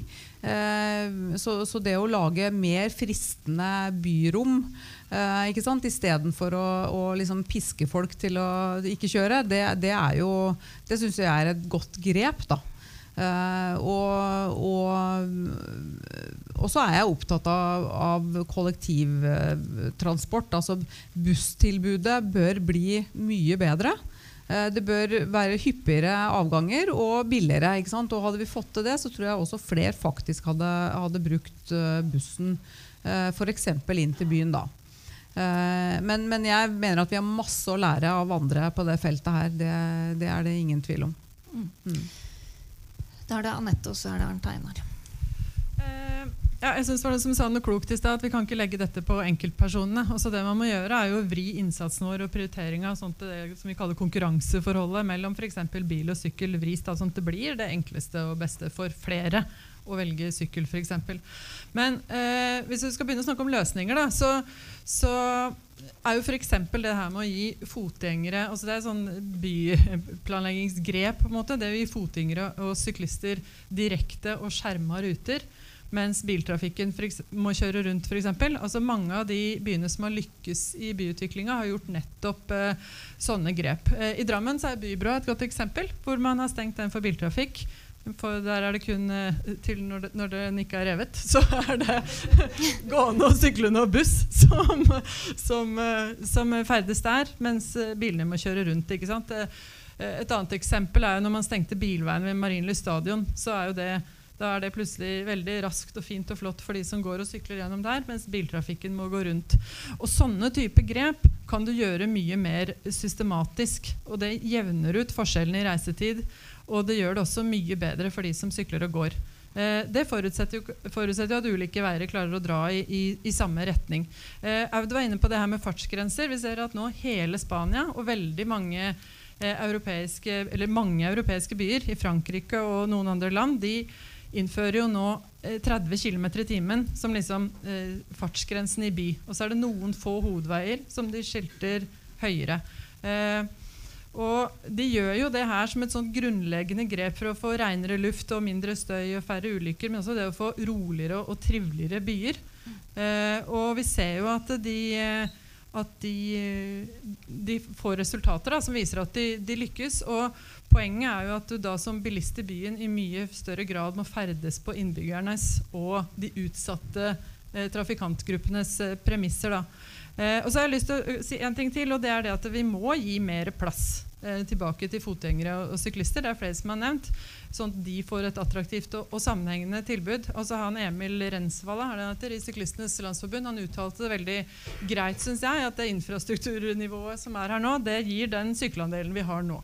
Skal du ha en høyere sykkelandel, så må du ha eh, bedre infrastruktur. Eh, veldig greit. Og Konnerud har jo vært oppe her som eksempel eh, eh, flere ganger. Eh, nå er Drammen faktisk den byen med høyest elsykkelandel.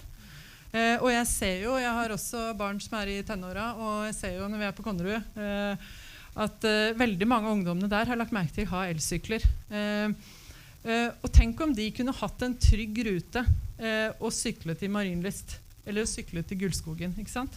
Det hadde vært en drøm både for foreldre og ungdommer. Og, og, hvorfor klarer vi ikke å tilby dem det? Det er jo dit vi må. Mm. Mye gode tanker her. Uh, vi tar imot uh, applaus nå når vi går inn snart for landing. Uh, Arnt Einar? Nei, altså, det jo nevnt her dette med elsykkel. Jeg tror det er en uh, fantastisk ting. I en by hvor det er litt høydeforskjeller, så er jo det uten tvil bra. Eh, men så tenker jeg at eh, det blir liksom fremstilt som man ikke har gjort noe. Eh, og man har jo tatt en del områder litt tilbake igjen. Bilene har fått en del restriksjoner opp gjennom de siste årene, men kanskje ikke nok. Men jeg tror man må få et system hvor, hvor, hvor si, man finner energieffektive løsninger, og hvor de som forurenser, må betale mer for den forurensningen i en eller annen form. Uh, og så vet jeg at det er mange kinkige diskusjoner her i Drammen, og ting ligger litt sånn brakk i forhold til de tingene der. Men jeg tror at uh, skal man lykkes framover, så kan man jo gjøre sånn som skipsfarten, redusere farten, og så er man nede på 2030 når man, men man når ikke 2050-målet med å bare redusere farten. Mm. Så, så, her gjelder det å tenke langsiktig. Det tror jeg er veldig viktig. Og så tror jeg det er viktig å ta steg for steg. Altså ikke bare skape over så mye på en gang at uh, man ikke får med seg på en måte uh, samfunnet på det. Uh, og så tror jeg at man må innse at enn så lenge en stund så vil det være biler i byen. Man må få redusert det. man må få iallfall over de bilene over på nullutslippsløsninger, og så må man få redusert en del av den unødvendige trafikken. og Det, det kan det finnes mekanismer på. Um, du, um, Ulrik Eriksen, du har sagt at bi bilen har ingenting i en by å gjøre. Altså, er det er det dit vi skal? Altså, er det bilfri by? Altså, det høres jo veldig drastisk ut, da. Nei, Det er en spissformulering. Altså, men altså, bilen fungerer veldig dårlig i en by. Er, sånn er det jo bare. Og, øh, men, men det som jeg tenker som er et sentralt også for Drammen og veldig mange andre norske byområder, også Oslo, og de fleste mm, byområder som er blitt nevnt i Europa også, er, er eh, forskjellen mellom de som bor eh, sentralt, og de som bor i ytre byområder og forsteder. Fordi det er veldig forskjellig hva slags prioriteringer og ønsker de ønsker seg, hva slags byer de ønsker seg, og hva slags løsninger de ønsker seg. Hvis du bor sentralt eh, i en by, så vil, da tenker du jo på de gatene rundt deg. Da tenker du på de som er oppholdsrom. Da tenker du på de som et sted å være. Da vil du ha lav fartsgrense. Da vil du at det skal være stengt. Du vil at det skal være vanskelig å komme seg gjennom der. Men hvis du bor i, litt utenfor byen, så vil du at de gatene skal være åpne. Så vil du ha en høyest mulig fartsgrense, sånn at du kommer raskest mulig frem. Da vil du at det ikke skal være stengt. Da vil du at du skal være tilgjengelig. Eh, og den eh, forskjellen der eh, kommer til å bli Og den ligger der allerede. Man ser det i politiske diskusjoner. Man ser det i hvordan eh, politiske prioriteringer er eh, sentralt i en by og utenfor. Og de byområdene som er veldig spredt, eller har mye spredning, de vil, der vil nødvendigvis forstadsblikket på en måte være det dominerende. Det er det som vil definere mye av transportpolitikken. Mens de områdene som har en veldig høy andel eh, befolkning som bor sentralt, de vil ha veldig store insentiver til å gjøre restriksjoner på bil. Og Sånn sett så ser det ikke liksom veldig lyst ut for restriksjoner på bil i Drammen. Fordi nettopp bystrukturen er som den er.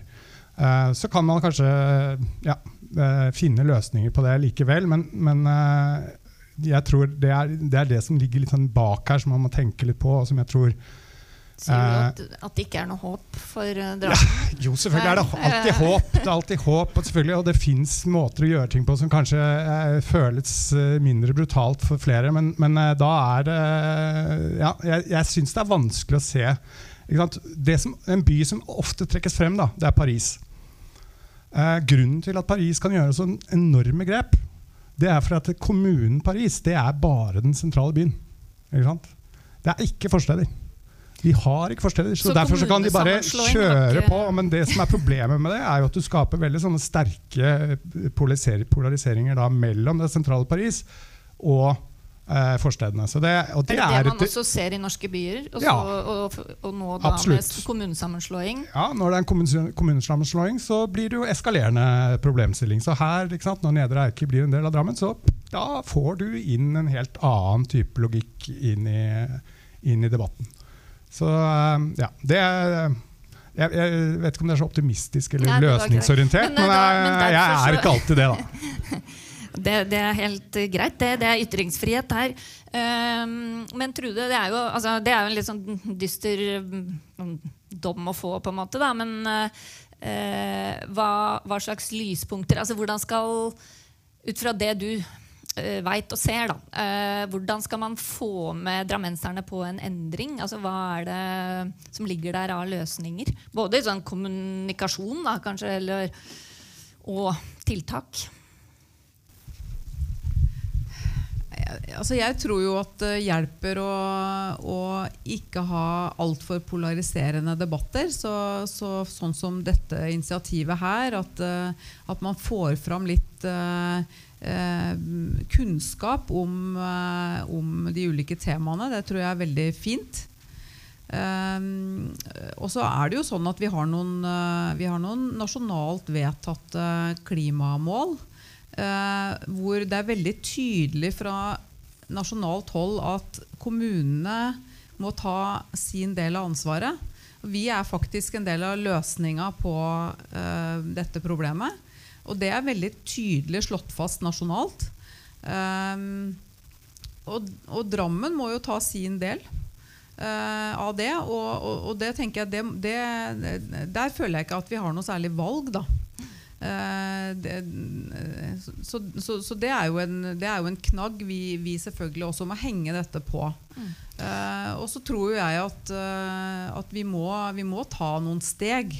Eh? De store jafsene er ikke nødvendigvis riktig her. Eh, men, men eh, jeg har også lyst til å minne om at sant, de grepene som ble tatt for eh, 25-20 år siden i Drammen var jo, var jo betydelige den gangen. Eh, og, og, jeg tror jo at, at, det er, fortsatt er mulig, da. Eh, og at, at, at, Drammen tar, tar noen steg for å, for, å, bidra til, i denne sammenhengen, mindre biltrafikk. For jeg, jeg, jeg opplever jo at de fleste erkjenner at det er sånn. Uh, det er for mye biltrafikk i Drammen. Mm. Uh, og så er det litt ulike innfallsvinkler til løsningene. Mm. Og det mener jeg det er det greit å diskutere. Og, og, så håper jeg at det blir en kunnskapsbasert uh, diskusjon. Da.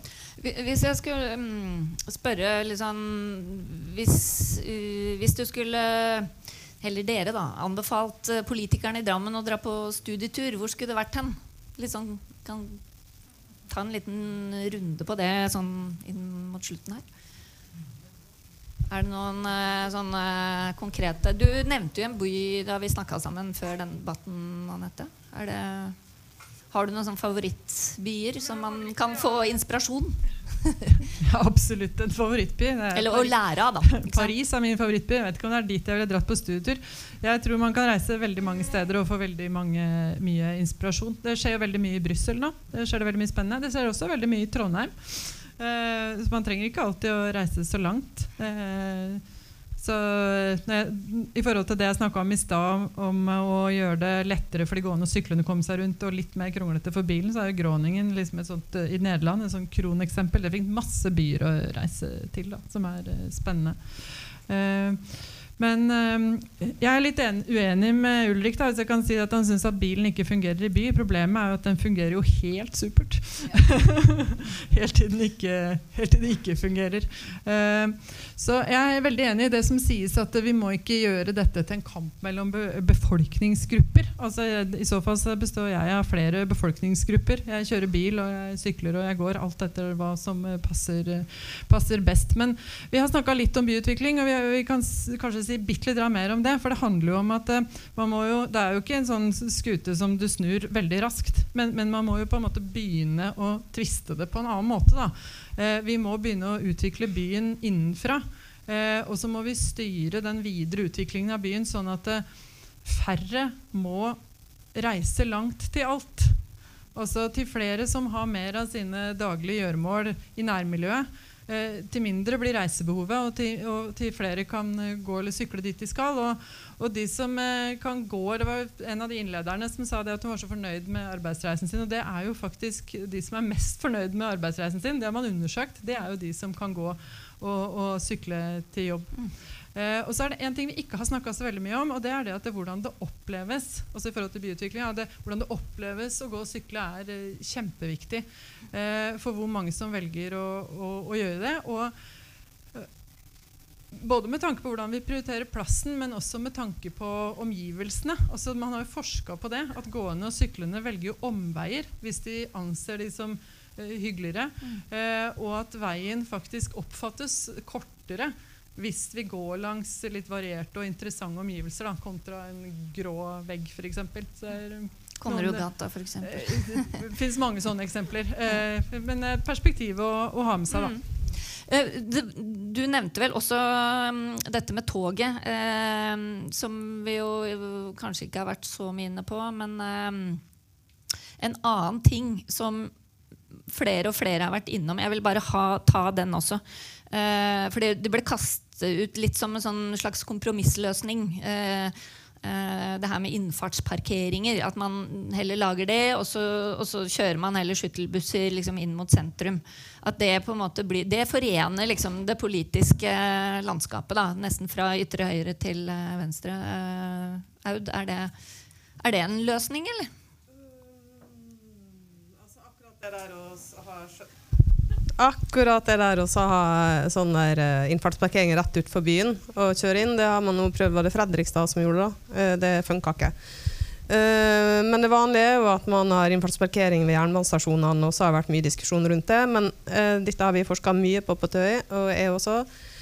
Og det, altså, når jeg snakker om arealutvikling som det aller viktigste her, så er det sånn at ved å etablere innfallsparkering så stimulerer man fortsatt byspredning. For da kan du bo langt borti der, og så kan du kjøre til stasjonen, og så kan du ta toget inn. Så i det lange, når man ser regionalt og et eh, med langsiktig perspektiv, så bidrar det også bare til å forverre problemet. Det er en av de mange tingene man eh, som vi sier det, som å pisse i buksa for å holde seg varm, eh, og det er en av de tingene.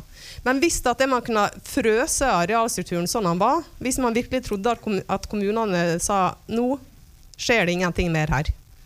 Nå skal ikke vi bygge, nå blir det ingen mer byspredning. Sånn at man liksom frøys det, og alle bare var der de var, eh, eller ikke ble bygd mer utover der, så, så kunne det funka.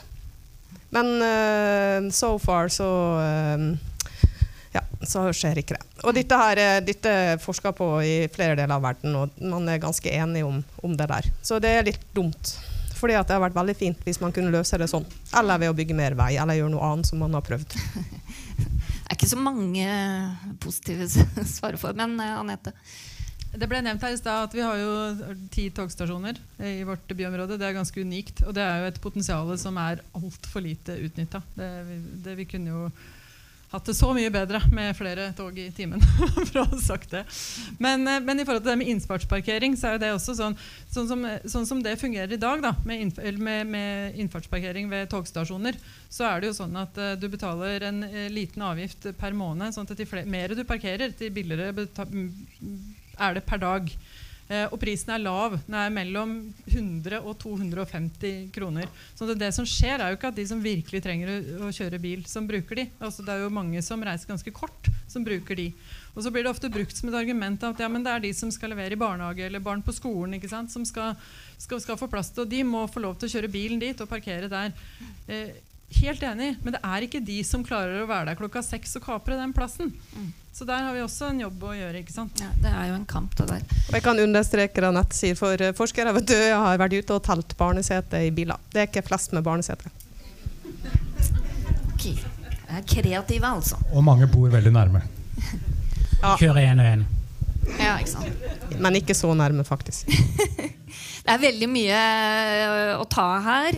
Um, og så er det sånn uh, Jeg skal ikke rope etter en lege fra salen, men jeg skal høre om det er en politiker i salen som har lyst til å komme opp og liksom, uh, oppsummere litt hva man har lyst til å ta med seg videre. Jeg spotter Venstres Rune Fortun der, i hvert fall. Men er det noen fra posisjonen? Noen fra Høyre? Nei. Vet du hva? Da tror jeg faktisk Hæ?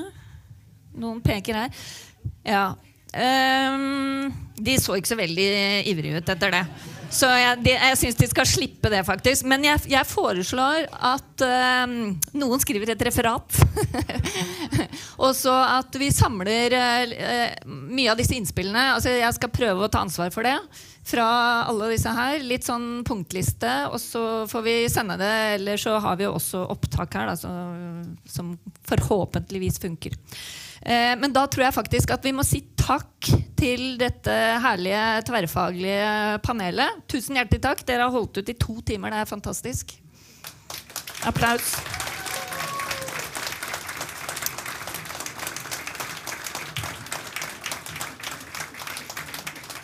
Og tusen takk til alle som har møtt opp. Det er jo verdensrekord i tålmodighet, eh, vil jeg si. Det er kjempegøy at så mange møtte opp og, og hørte på. Jeg tror, eh, jeg tror, dere har huene fulle av både kunnskap og kanskje litt inspirasjon og litt sånn depressive tanker. Og så vil jeg bare til slutt også minne om neste DT-debatt. Det foregår uh, her, samme sted. Uh, antagelig samme tid. Uh, 20. februar, en tirsdag. Og da skal vi snakke om et annet spennende tema, nemlig arkitektur. Så det, det, kan jeg anbefale. Det er bare å plotte inn i kalenderen. Da sier jeg takk for nå og vel møtt tilbake. Og så er det lov å sitte litt til, altså. Yes.